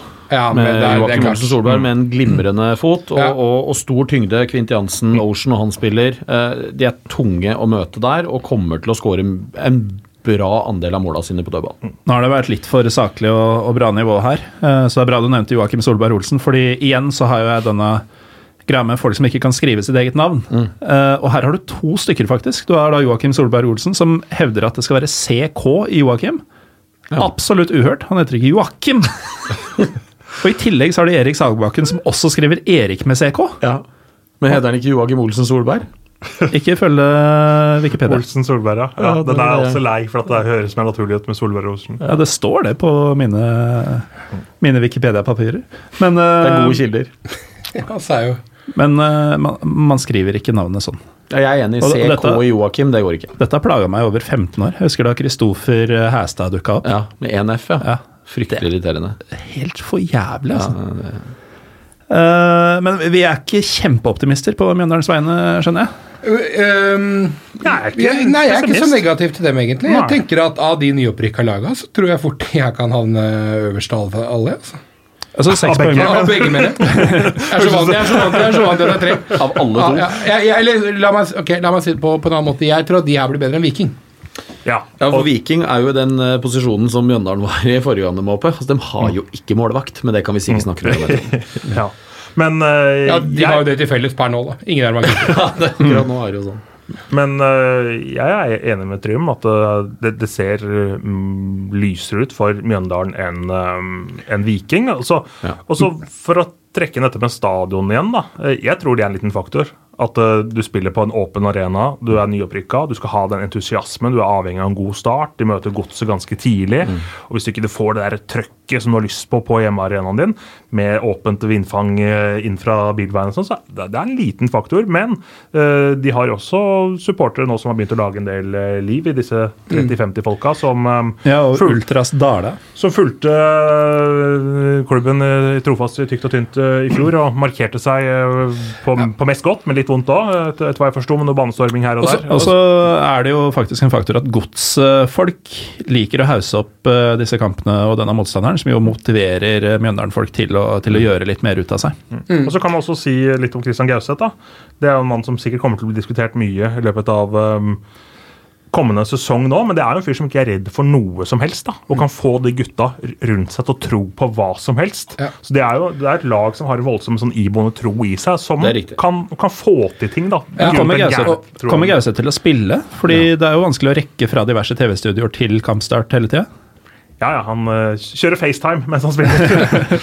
Nei, men, men, men det er også litt med den erfa altså, vi nevnte erfaring. Men nå er det, det er ikke så lenge siden de var oppe og fikk prøve seg det ene året. Eh, en annen ting er at det er ikke all verden press der. Om de starter serien og ligger helt i bånn veldig tidlig, så kommer de ikke til å få panikk. Det vil være annerledes hvis Viking etter 10-11 serierunder ligger i bånn. Da tror jeg det begynner å gå noen varselblinker der. sånn, Men i Mjøndalen tror jeg man på en måte Man har ikke det presset verken fra egne supportere, lokalmedia altså, de, de får lov til å jobbe Jo, sammenligna med de fleste klubber så har de ikke det, Patrick. De Nei, har ikke press på seg. Nei, men jeg tror de setter, nei, men jeg tror de setter et press på seg sjøl. jo, ja, men det, ja, ja, det er greit, men det er jo bare positivt. Men poenget er at de kommer ikke til å få panikk og sparke trener etter åtte serierunder eller sånt, de her. Og jeg tror at over 30 kamper så tror jeg det her kan være bra nok til å holde seg i Eliteserien. Men nei, ja, fordi Hvis vi sier at de har bedre sjanse enn Viking, da betyr det at vi ser på Viking som sjanseløse? Eller er det sånn at Viking kan bli nummer 13 og Mjøndalen nummer 10, f.eks.? Jeg tror at Mjøndalen kommer til å ende kvalik eller rett over i det leiet der, mens Viking kan enten bli nummer 16 eller bli nummer 5. Altså Viking har et mye større makspotensial enn det Mjøndalen har. Mjøndalen har ikke det makspotensialet som Viking har. De kommer til å være nedre halvdel, og kommer antageligvis til å være på nedre, nederste del av den nedre halvdelen. Men, men de kommer til å kjempe og klore seg fast med alt de har, og det kan akkurat holde. Ja, det høres eh, logisk nok ut, og da kan vi dra videre til Molde. Et lag som ingen i hele Norge veit hvem som skal trene denne sesongen. Jo. Jo, Erling Moe fikk seg jobb den kvelden Solskjær sto på ESG. Ja. Det tror jeg hele Norge vet nå. Ja, du, du er sikker på det? Ja, Du hørte det her først. Hvis, og hvis ikke, hvis ikke du eh, har fått det med deg allerede. Så, så det er ikke noe å diskutere lenger. Solskjær kommer ikke tilbake til Molde. Nei, eh, vi, hadde en julekalender, uh, Trym og Patrick. eh, eh, en luke hvor vi snakka om akkurat det utlånet omtrent da det skjedde. Ja. Um, er, du like sikker på at eh, det er Erling Moe som gjelder eh, ja. ut 2019? Eller i hvert fall Ja. fram til det går dårlig? Ja, jeg tror ikke, jeg tror ikke, altså, jeg tror ikke Manchester United har noe valg. Det er mer det det går på. fordi at Det er så, det jeg får med meg gjennom eh, altså Hvis du prøver å se sportssendingene til TV 2, så er det jo uh, syv minutter med Solskjær og halvannet minutt til alt annet. så jo Det er nyhetssendingene du snakker om nå. Ja, unnskyld. Beklager. Um, jeg tror ikke det ser ut som det var noe valg, jeg, uten at jeg er noe ekspert på Manchester United eller engelsk fotball eller den biten der, men uh, så vidt jeg har skjønt det, så, så ser det jo ikke sånn ut. Så jeg, jeg tipper Erling Moe er trener der, og det tror jeg Molde lever veldig greit med. Hvis Holmgang fortsatt finnes, så tror jeg det stort sett handler om Solskjær, det også, for tida. Da må vi få inn Hans Bauge. Og hvalkjøtt. Da gleder jeg meg. Da skal jeg se på. Han hiver hvalkjøtt på uh, bilder av Ole Gunnar Solskjær. For en nydelig mann. Nå er det mange unge lyttere som ikke skjønner bæret av hva vi driver med. Men det er på YouTube, er det ikke det? Det. Det er mye Hans Bauge på YouTube. Ja, det er mye av det også. Hans Bauge pluss uh, lønning. Eh, Så, Ja, har- og- så har du noen videoer. Oddvar Stenstrøm som eh, prøvde Ja, nei, dette blir jo helt utafor. Jo, det er, det er jo Molde. Det er like greit å snakke om Hans Bauge som, som laget, er det ikke det? Jo. Du har Ja. hatt noen fighter med moldensere etter at du kom på Twitter. Ja, ja nei ja. Altså, jeg, skal, jeg, skal, jeg skal ikke dra Men det er galt, ja, de har mista den virkelig store publikumsfavoritten og den store lederen sin i Babakar Sar. Um, men, jeg, men jeg skal ikke dra hele den greia der nå. Uh, Molde-supporter og Nederland får lov til å få stå for det, og så får det bare være. Men det er viktig at ingen norske supportere noensinne glemmer det der. Hvordan den klubben håndterte ting i fjor. Eh, men eh, utover det så gidder jeg ikke å si så mye mer om det, men vi kan jo snakke litt mer om det sportslige, hvem de har fått inn. Hvem, det er jo jeg, fryktelig mange som forsvinner. Eh, samtidig som de jo har henta inn en del spillere som de betaler fryktelig mye penger for. Ja, det er helt vilt. Altså, hva, er fryktelig mye penger, og hvem er det Nei, du altså, de tenker på? kaster jo ut tilsynelatende 6, 7, 8, 9, 10 millioner kroner for spillere som Ulland Andersen og Bjørnbakk og, Ja, han- han og, og Haraldseid og fra sånn. Kongsvinger, altså, hva kostet han? det var- det 3 millioner de betalte for han? Jeg husker ikke helt ja, eh, hva det, det er mye penger, i hvert fall. Men altså, de driver jo med altså, de, altså, de skaper jo inflasjon i norsk fotball. Og det, er, men det, ikke sant, det her illustrerer hvor ekstremt store forskjellene er. ikke sant, Når Molde kan da altså For all del, Erik Ulland Andersen, Martin Bjørnbakk, Kristoffer Haleseid. Dette er gode eliteseriespillere. Det er ikke noe tvil om det. Spesielt de to siste. Jeg er ikke Ja. så imponert over Ulland Andersen. Han er bra, men han har på en måte foten sin som spisskompetanse og eh, har klare mangler i spillet sitt. Eh, Men for all del, han er knallbra, kommer til å ha masse målpoeng. Men altså det, her, det, det viser jo bare hvor sjukt det er når de kaster disse summene her etter den type spillere internt i Norge. Og så skal jo kanskje da alle andre klubber være glad for at de gidder, fordi at det sikrer jo drift i de andre klubbene. Sånn så har ikke jeg noe mot at de gjør det, de må gjerne holde på. Men forskjellene blir jo veldig godt illustrert. Men det er vanskelig å være Molde også på overgangsmarkedet i Norge. Det er klart. Fordi at de andre klubbene vet at når Molde banker på døra, så er det penger å hente for de klubbene. prisen går i været. Og eh, det, det har i det hele tatt vært et sånn vanskelig overgangsklima mellom, en del, eh, mellom de norske klubbene de siste årene. Det er vanskelig å kjøpe en spiller fra Lillestrøm, eh, altså fra Haugesund, eh, Mm. hvis, du, hvis du ikke har enorme pengesummer, og da får vi inn dårlige utlendinger. Mm. Så, så jeg syns det er veldig mange av de norske klubbene som har litt for høye krav, for litt for høye forventninger til, til hva de skal ha for spillerne sine. Men samtidig så skylder jo ikke disse klubbene lag som Molde, Rosenborg, Vålerenga Nei, og, og, å gi dem kompispris. Nei, men det sitter mye lenger inne å selge til en annen norsk klubb. For du er, du er redd for å drite deg ut. Du er redd for å ta en Clayton Sane-variant uten overgangs... eh, Altså, Videresalgsklausul. Videresalgsklausul. Altså, de får helt panikk når du får et bud fra en annen norsk klubb som ikke er skyhøyt. Da sier du nei uansett. Men får du tilsvarende bud fra en, en klubb i Skottland, da selger du den. For at da, da, da er det ingen som får med seg om det blir suksess eller ikke. Samtidig som du da ikke styrker en konkurrent. Ja. Ikke sant? Så det er, det, er, det er- det er også en faktor. Men det er klart at særlig Bjørnbakk er jo Jeg, jeg, jeg, jeg synes jo ikke Forhen er- Jeg har ikke noe sans for Forhen i det hele tatt. Jeg mener han er svært overvurdert. Jeg er helt enig. Og hvis det nå Ruben Gabrielsen har fremdeles ikke gått. Han har jo vært linka nå i to år til USA og en del andre steder. Nå ser det ut som og MLS er i gang nå, så nå ser det ut som at Gabrielsen blir værende i hvert fall fram til sommeren. Da er det kanskje Bjørnbakk og Gabriel som er stoppere, eller så er det da en av dem og, og, og Forhen, da. Men hvis det blir Bjørnbakk og eh, Gabrielsen, så mener jeg kanskje det er det beste stoppeparet i Eliteserien, inklusive stoppeparet til Brann.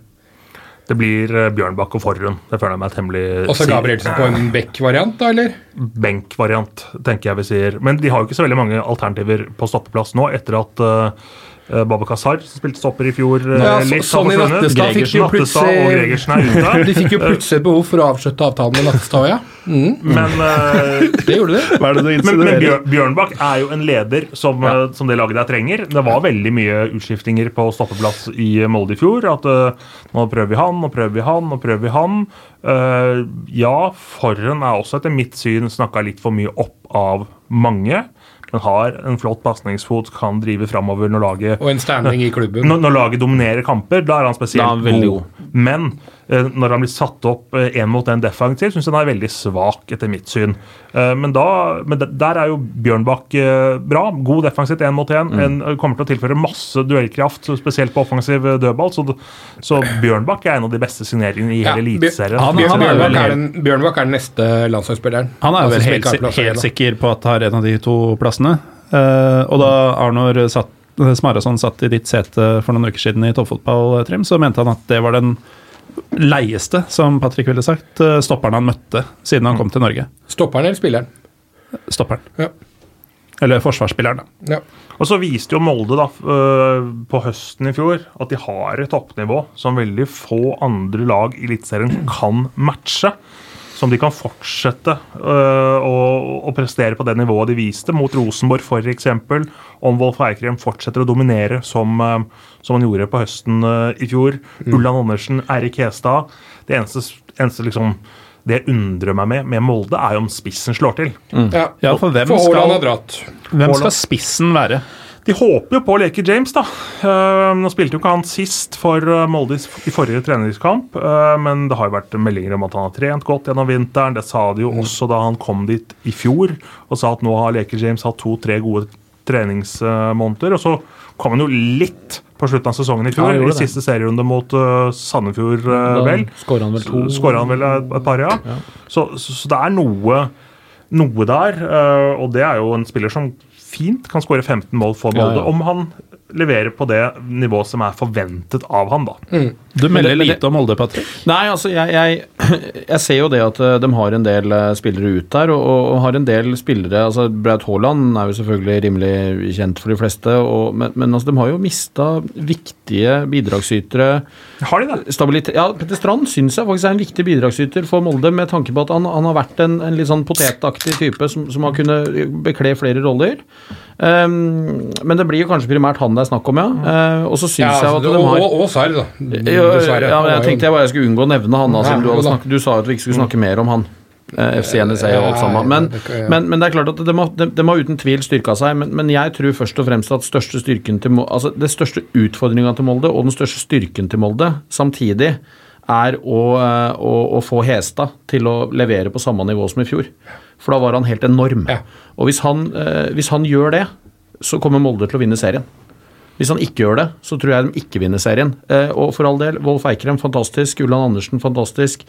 Ellingsen er vel tilbake, han har jo slitt mye med skade, har gått inn igjen nå, ser se bra ut foreløpig. Aursnes også. Aursnes, eh, Fredrik, ikke minst. Men, men altså, Hestad ja, han var fryktelig god i fjor. Og, og, og de har en bredde der som er enorm. Mm. Eh, og så får vi se hva de gjør defensivt. Eh, Linde er en bra keeper. Han er topp fem i Eliteserien uten tvil. Ja, og jeg, ja, jeg mener at kanskje McDermott og Hansen er bedre enn han. Men det er nå min Men mening. Men keeper ikke snakker så mye om, da. Ja det er riktig, men, og han er en bra keeper. Eh, og så er det jo det Er det Laker James som skal spille på topp? Skal Erling Knutson spille på topp? To helt forskjellige spillertyper.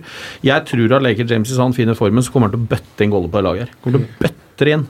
Ja, og så kan det jo også dukke opp en Stabæk-spiss der om ikke så veldig lang Ja, tid, det- med tanke på at uh, interessen inn mot uh, OI er fremdeles der for Moldes del. Det har jo vært rykta veldig mye om det i nå et par uker, at det, at det fort kan skje. Men da er vi tilbake igjen til det Petter sa i stad, ikke sant? at det- overgangsklima er fryktelig vanskelig for Molde der. For det er klart at det, hadde en annen norsk klubb ringt til Stabæk og sagt at vi er kine på å kjøpe OI, så hadde de forstått at ok, her får vi ikke sånn kjempemye penger. Men her prøver de sikkert å melke ut både 10, 12, 15 og 18 millioner kroner for han, ikke sant. Og det er klart, ett sted må Molde sette grensa òg. Ja, det, ja, det er mulig, men, men det er klart at uh, tidvis virker det nesten som om den, den eh, pengebrønnen er utømmelig. da. Eh, og det er klart at det de har fått inn allerede i, i en sånn solidaritetskompensasjon. For de var vel egentlig ikke Det var ikke nødvendig for United å gi penger til Molde, men de fikk vel typ 20 millioner omtrent bare med en gang. Så fikk de litt for Haaland nå, da. Ja, Så fikk de det, skal vi ikke, det skal vi ikke glemme i regnestykket. At de har jo De er jo i pluss Ja, etter fjoråret. Ja, nettopp. nettopp. De, de, de, de selger jo De, selger jo, de, de får inn mye penger. Uh, men, men, men jeg, jeg vet også at øh, For å ta altså, Det har vært mye eks-Lillestrøm-spillere i Molde, og, og det er det. Vi har fått inn Bolly ja, i år. ja, det kommer ikke til å ha noen ting å si, dessverre. For han kommer ikke til å spille, for han er ødelagt. Men jeg veit jo jo men, jo, men Det er trist å si, men sånn er det. Men jeg veit jo at veldig mange av de spillerne har altså sagt rett ut Molde utelukkende pga. der tjener vi dobbelt så mye som vi hadde gjort i en annen eliteserieklubb. Ferdig snakka.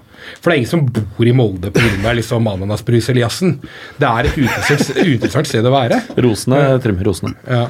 Så, så, så det er en faktor, men det er klart at det er en makt Molde har. De har mer penger enn de fleste, med unntak av Rosenborg, de andre klubbene i, i Eliteserien. Her havner gullet. Ja, det tror jeg. For- for- tror for- Ja, ja, ja. For det, det er én eller to Ja, det er en. på, på Ja, Molde. nei, jeg, jeg er helt overbevist om at Molde vinner Eliteserien i år. Nå har riktignok Erling Knutsen putta i den eh, fantastiske mesterfinalen mot Rosenborg sist. Da skåra Erling Knutson aleine med keeper, og det betyr at han har brukt opp kvota si på å skåre når han er aleine med keeper i år. Eh, men, men, men, men uansett hva jeg måtte mene om Knutson, så er det klart at der også får du med inn en fyr som eh, er en utrolig fin fyr, og som har masse rutine, og, og hvis han får spille og det fungerer ellers i laget, antageligvis vil være en bra bidragsyter. da. Jeg har kjøpt mye ferdigprodukt, da, Ja. rett og slett. Ja. Ja. Ja, nettopp. Mm. Uh, ferdigprodukt med lite sluttprodukt i Erling Knutsons uh, tilfelle. Uh, er du enig, Petter, at det er en av de to uh, edleste medaljene som går hit? Jeg er enig i at det blir veldig vanskelig å sette Molde utenfor annen- eller førsteplass. Mm. Det vil overraske meg, altså, basert på eh, hvordan de har sett ut eh, i vinter, hva de har hentet, eh, hvordan de avsluttet i fjor. Eh, Og at dette med mm, usikkerheten rundt Solskjær Erling Moe ser jo ut til å være ganske avklart. Og det ser ut som at eh, de spillerne som blir signert av Solskjær, som nå har fått Erling Moe, har liksom innfunnet seg med at ok, da blir det Erling Moe. For det, det, det var sikkert en eh, litt sånn spesiell opplevelse for de spillerne som ble overtalt da, til å komme til eh, Molde. For som Trym sier, så man må legge litt penger på bordet for å få en del av de gutta til eh, Molde. For det er, du må ha med en god bok mm. i tillegg. For det er, det er kanskje ikke det eveste stedet å bo for alle. Ikke noe stygt om Molde på noen som helst måte, men det er mer attraktivt å bo i de større byene i Norge for de fleste fotballspillerne. Molde, Molde er en fantastisk fin by. altså sånn, Når du ser på byen sånn utseende og utsikter fra både stadion og ene utested der hvor du mer eller mindre står midt ute i hagegapet Det, du- det du prøver å si, er at ved Molde er det et vann. Ja, det, og fjell. Ja. Ja. Så det er fin utsikt. var det jeg Så. Men hvilken- alt utafor Molde er fint. Men, men hvilken vei liker du å se? Liker du å se vekk fra byen eller inn mot byen? Vekk. Men det er jo, det er jo den desidert beste stallen uh, i Eliteserien. Jeg er sikker på at de kunne starta med Altså, de kunne hatt sin uh, sine elleve nest beste spillere, eller de som ikke starter, og så hadde det antageligvis vært en elver som hadde gjort Som hadde vært topp fem-seks i Eliteserien. Men så, eh, Man eh, har holdt på å si kødda mye med hvordan de håndterte ting i fjor. Eh, Men det som er tydelig, er at de hadde jo til slutt en ganske god sesong i fjor også. Oh ja. Lar seg med andre ord ikke affisere all verden av at det blåser rundt seg. Nei, og nå kommer de til å få mer ro av. Det sier seg sjøl. Altså, nå er jo da verkebylen Sar Sarr borte, og, og Nattestad har gått ut døra sammen med han, som på en måte var hans eh, største motstander, hvis det går an å kalle det der oppe. Ja, Og, og det er- dessverre så kommer dette her nå veldig fort til å bli glemt i gåseøyne Ja, i norsk men, men det vil jo gi ro i rekkene der. Eh, og de har, altså Det er mye ting som ligger til rette i Molde. ikke sant? De har eh, mange gamle spillere som er involvert i klubben. Petter Rudi, Berg Hestad. Altså disse, disse gutta er Thomas Mork. altså De er jo der. Eh, de har kontinuiteten. De har et akademi som fungerer bra, selv om ikke de Det er ikke de som spiller fast, men både Tobias og Sander Svendsen er ute og hele den biten av den som har kommet opp der.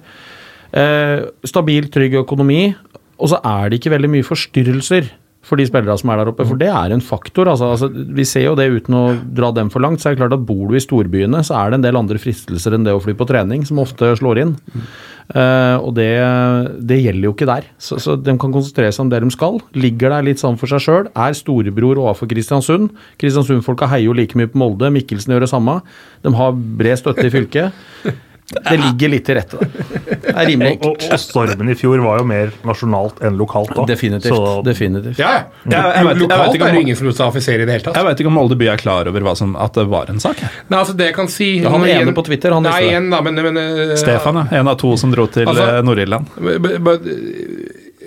Jeg skal ikke gå så mye på det nå, men, men Romsdal Budstikke omtaler jo fremdeles ikke SAR ved navn når de skriver om den saken. De skriver tidligere Molde-spiller. Romsdal Budstikke. Vet du hva?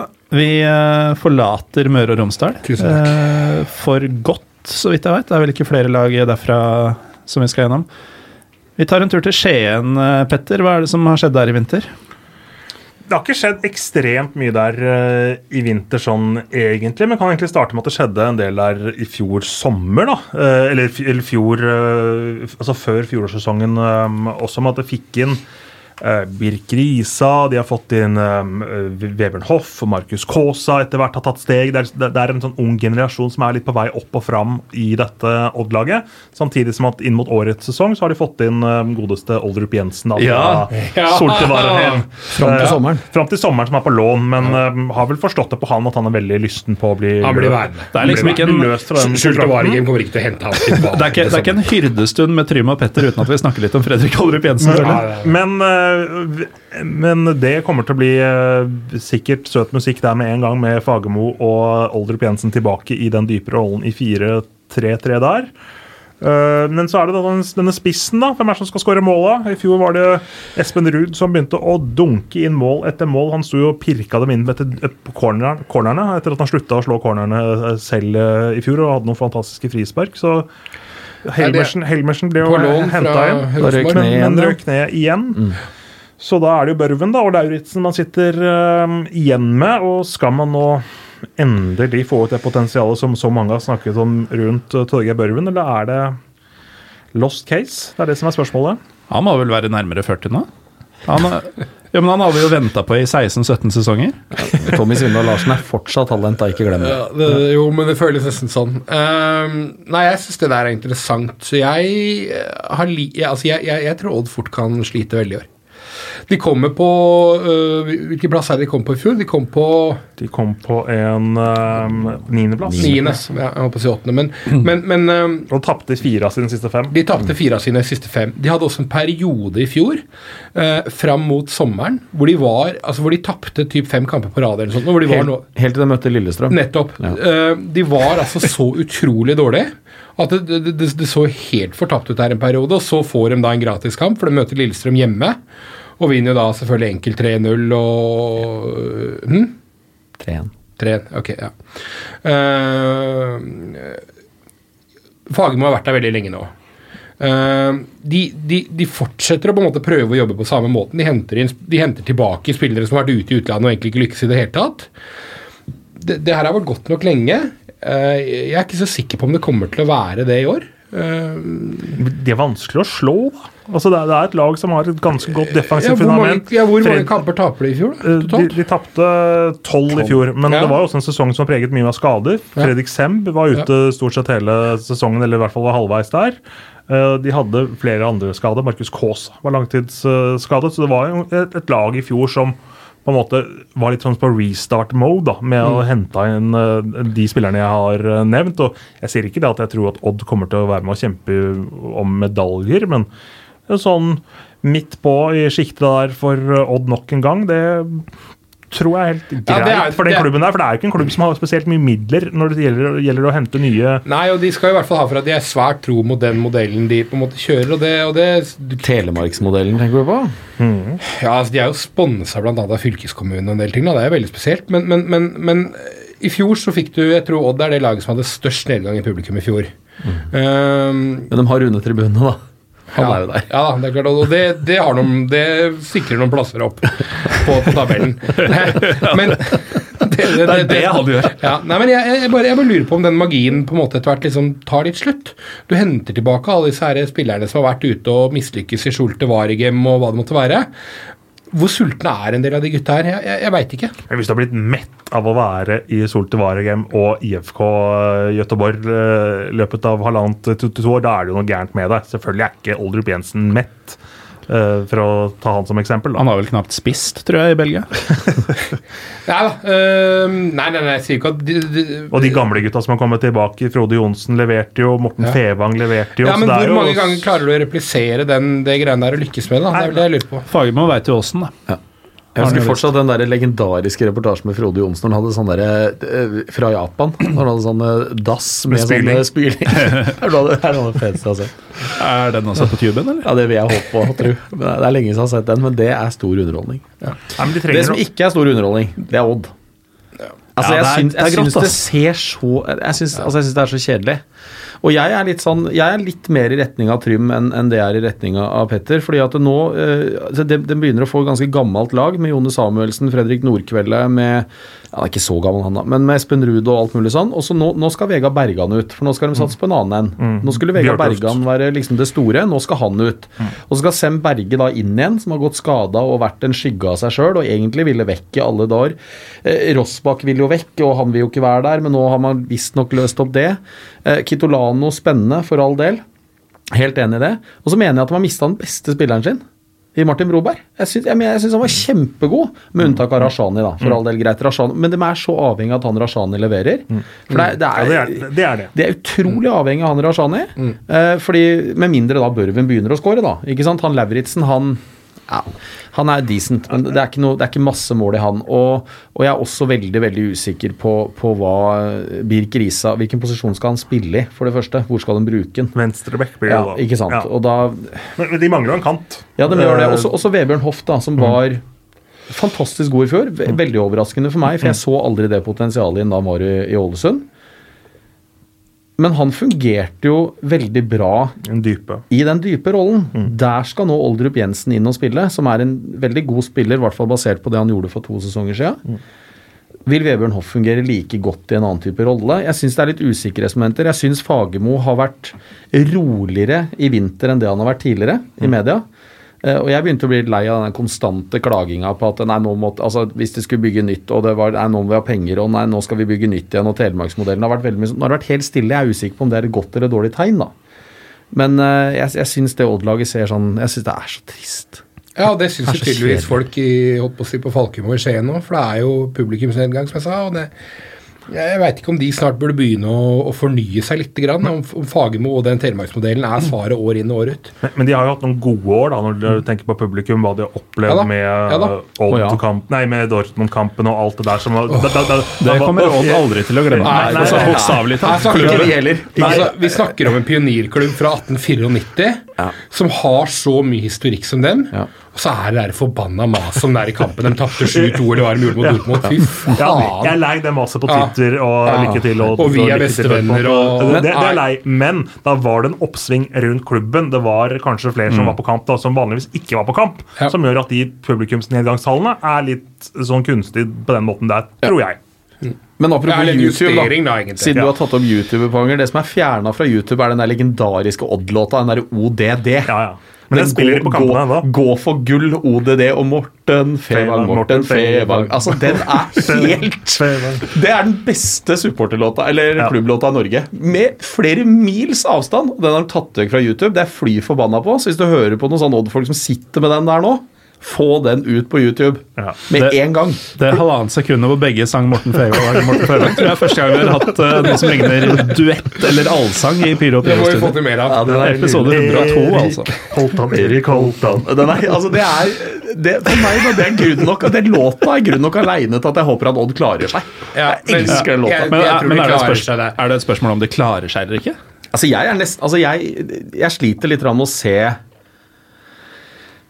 hvordan de skal eh, utvikle seg, da. Mm. og det ble, en niendeplass, det er det niendeplass, i fjor. Um, og de hadde noen fæle rekker. Noen med- fæle perioder, ja. ja. ordentlig fæle. Ja. Og nei, om jeg tror de rykker rett ned Nei, det, det gjør jeg ikke. Men jeg tror det fort kan bli en ganske strevsom sesong på sesong i Skien, altså. Det, det tror Men, jeg. men selv om de ikke har midler, så har jeg en liten følelse at det kommer til å skje noe der før vinduet stenger. For det er Kan hende. Og det, og det, er faen litt sånn, de, de, de, de fyller 125 år og har gitt ut en svær bok, og de skal gjøre litt sånn jubileumsgreier og prøve å få dette til å bli en litt sånn artig sesong.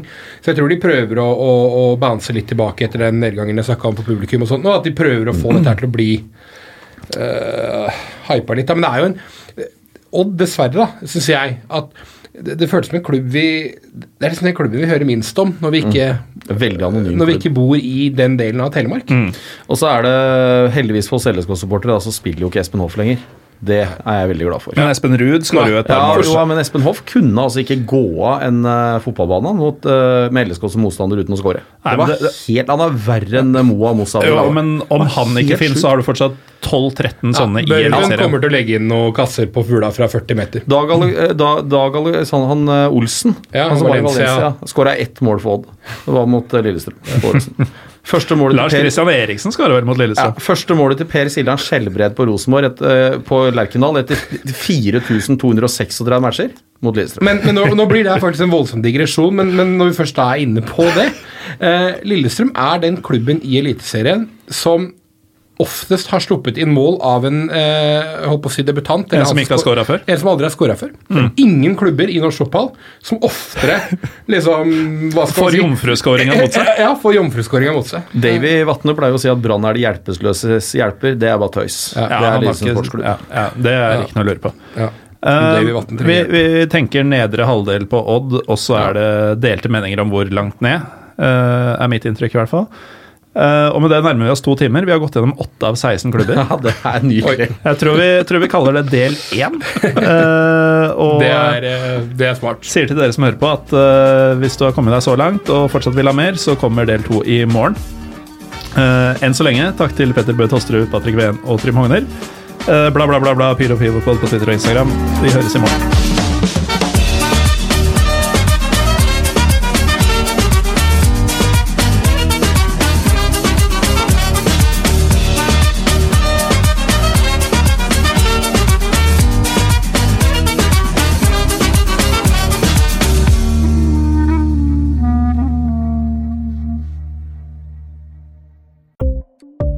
Ukens annonsør er HelloFresh.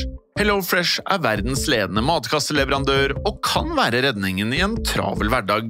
Mange av oss har nok vandret i butikken både sultne og uten en plan for middagen, som ender med at vi går for de samme kjedelige rettene gang på gang. Middag burde være dagens høydepunkt. Som HelloFresh kan du nå velge mellom 25 ulike retter hver eneste uke, eller få HelloFresh til å sette sammen menyen for deg. Dette gir deg muligheten til å prøve nye og spennende retter alene eller sammen med familien. Du velger antall porsjoner og får alt levert på døren på et tidspunkt som passer for deg. Oppskriftene er enkle, og maten er lett å lage både for store og for små. Ved å få alt levert hjem får du også mer tid til å dele matgleden med familie og venner. Kanskje det frister med asiatiske tacos eller greskinspirert kylling? Da kan jeg anbefale deg om å gå inn på hellofresh.no. Her kan du bruke koden FOTBALL og få opptil 1779 kroner i rabatt på de første fem matkastene hvis du ikke har prøvd HelloFresh tidligere. Du kan også bruke rabatten hvis du har vært kunde og stoppet abonnementet ditt for tolv måneder siden eller lengre. Gå inn på hellofresh.no og bruk koden FOTBALL. Har du et enkeltpersonforetak eller en liten bedrift? Da er du sikkert lei av å høre meg snakke om hvor enkelt det er med kvitteringer og bilag i fiken, så vi eh, gir oss her, vi. Fordi vi liker enkelt. Fiken superenkelt regnskap.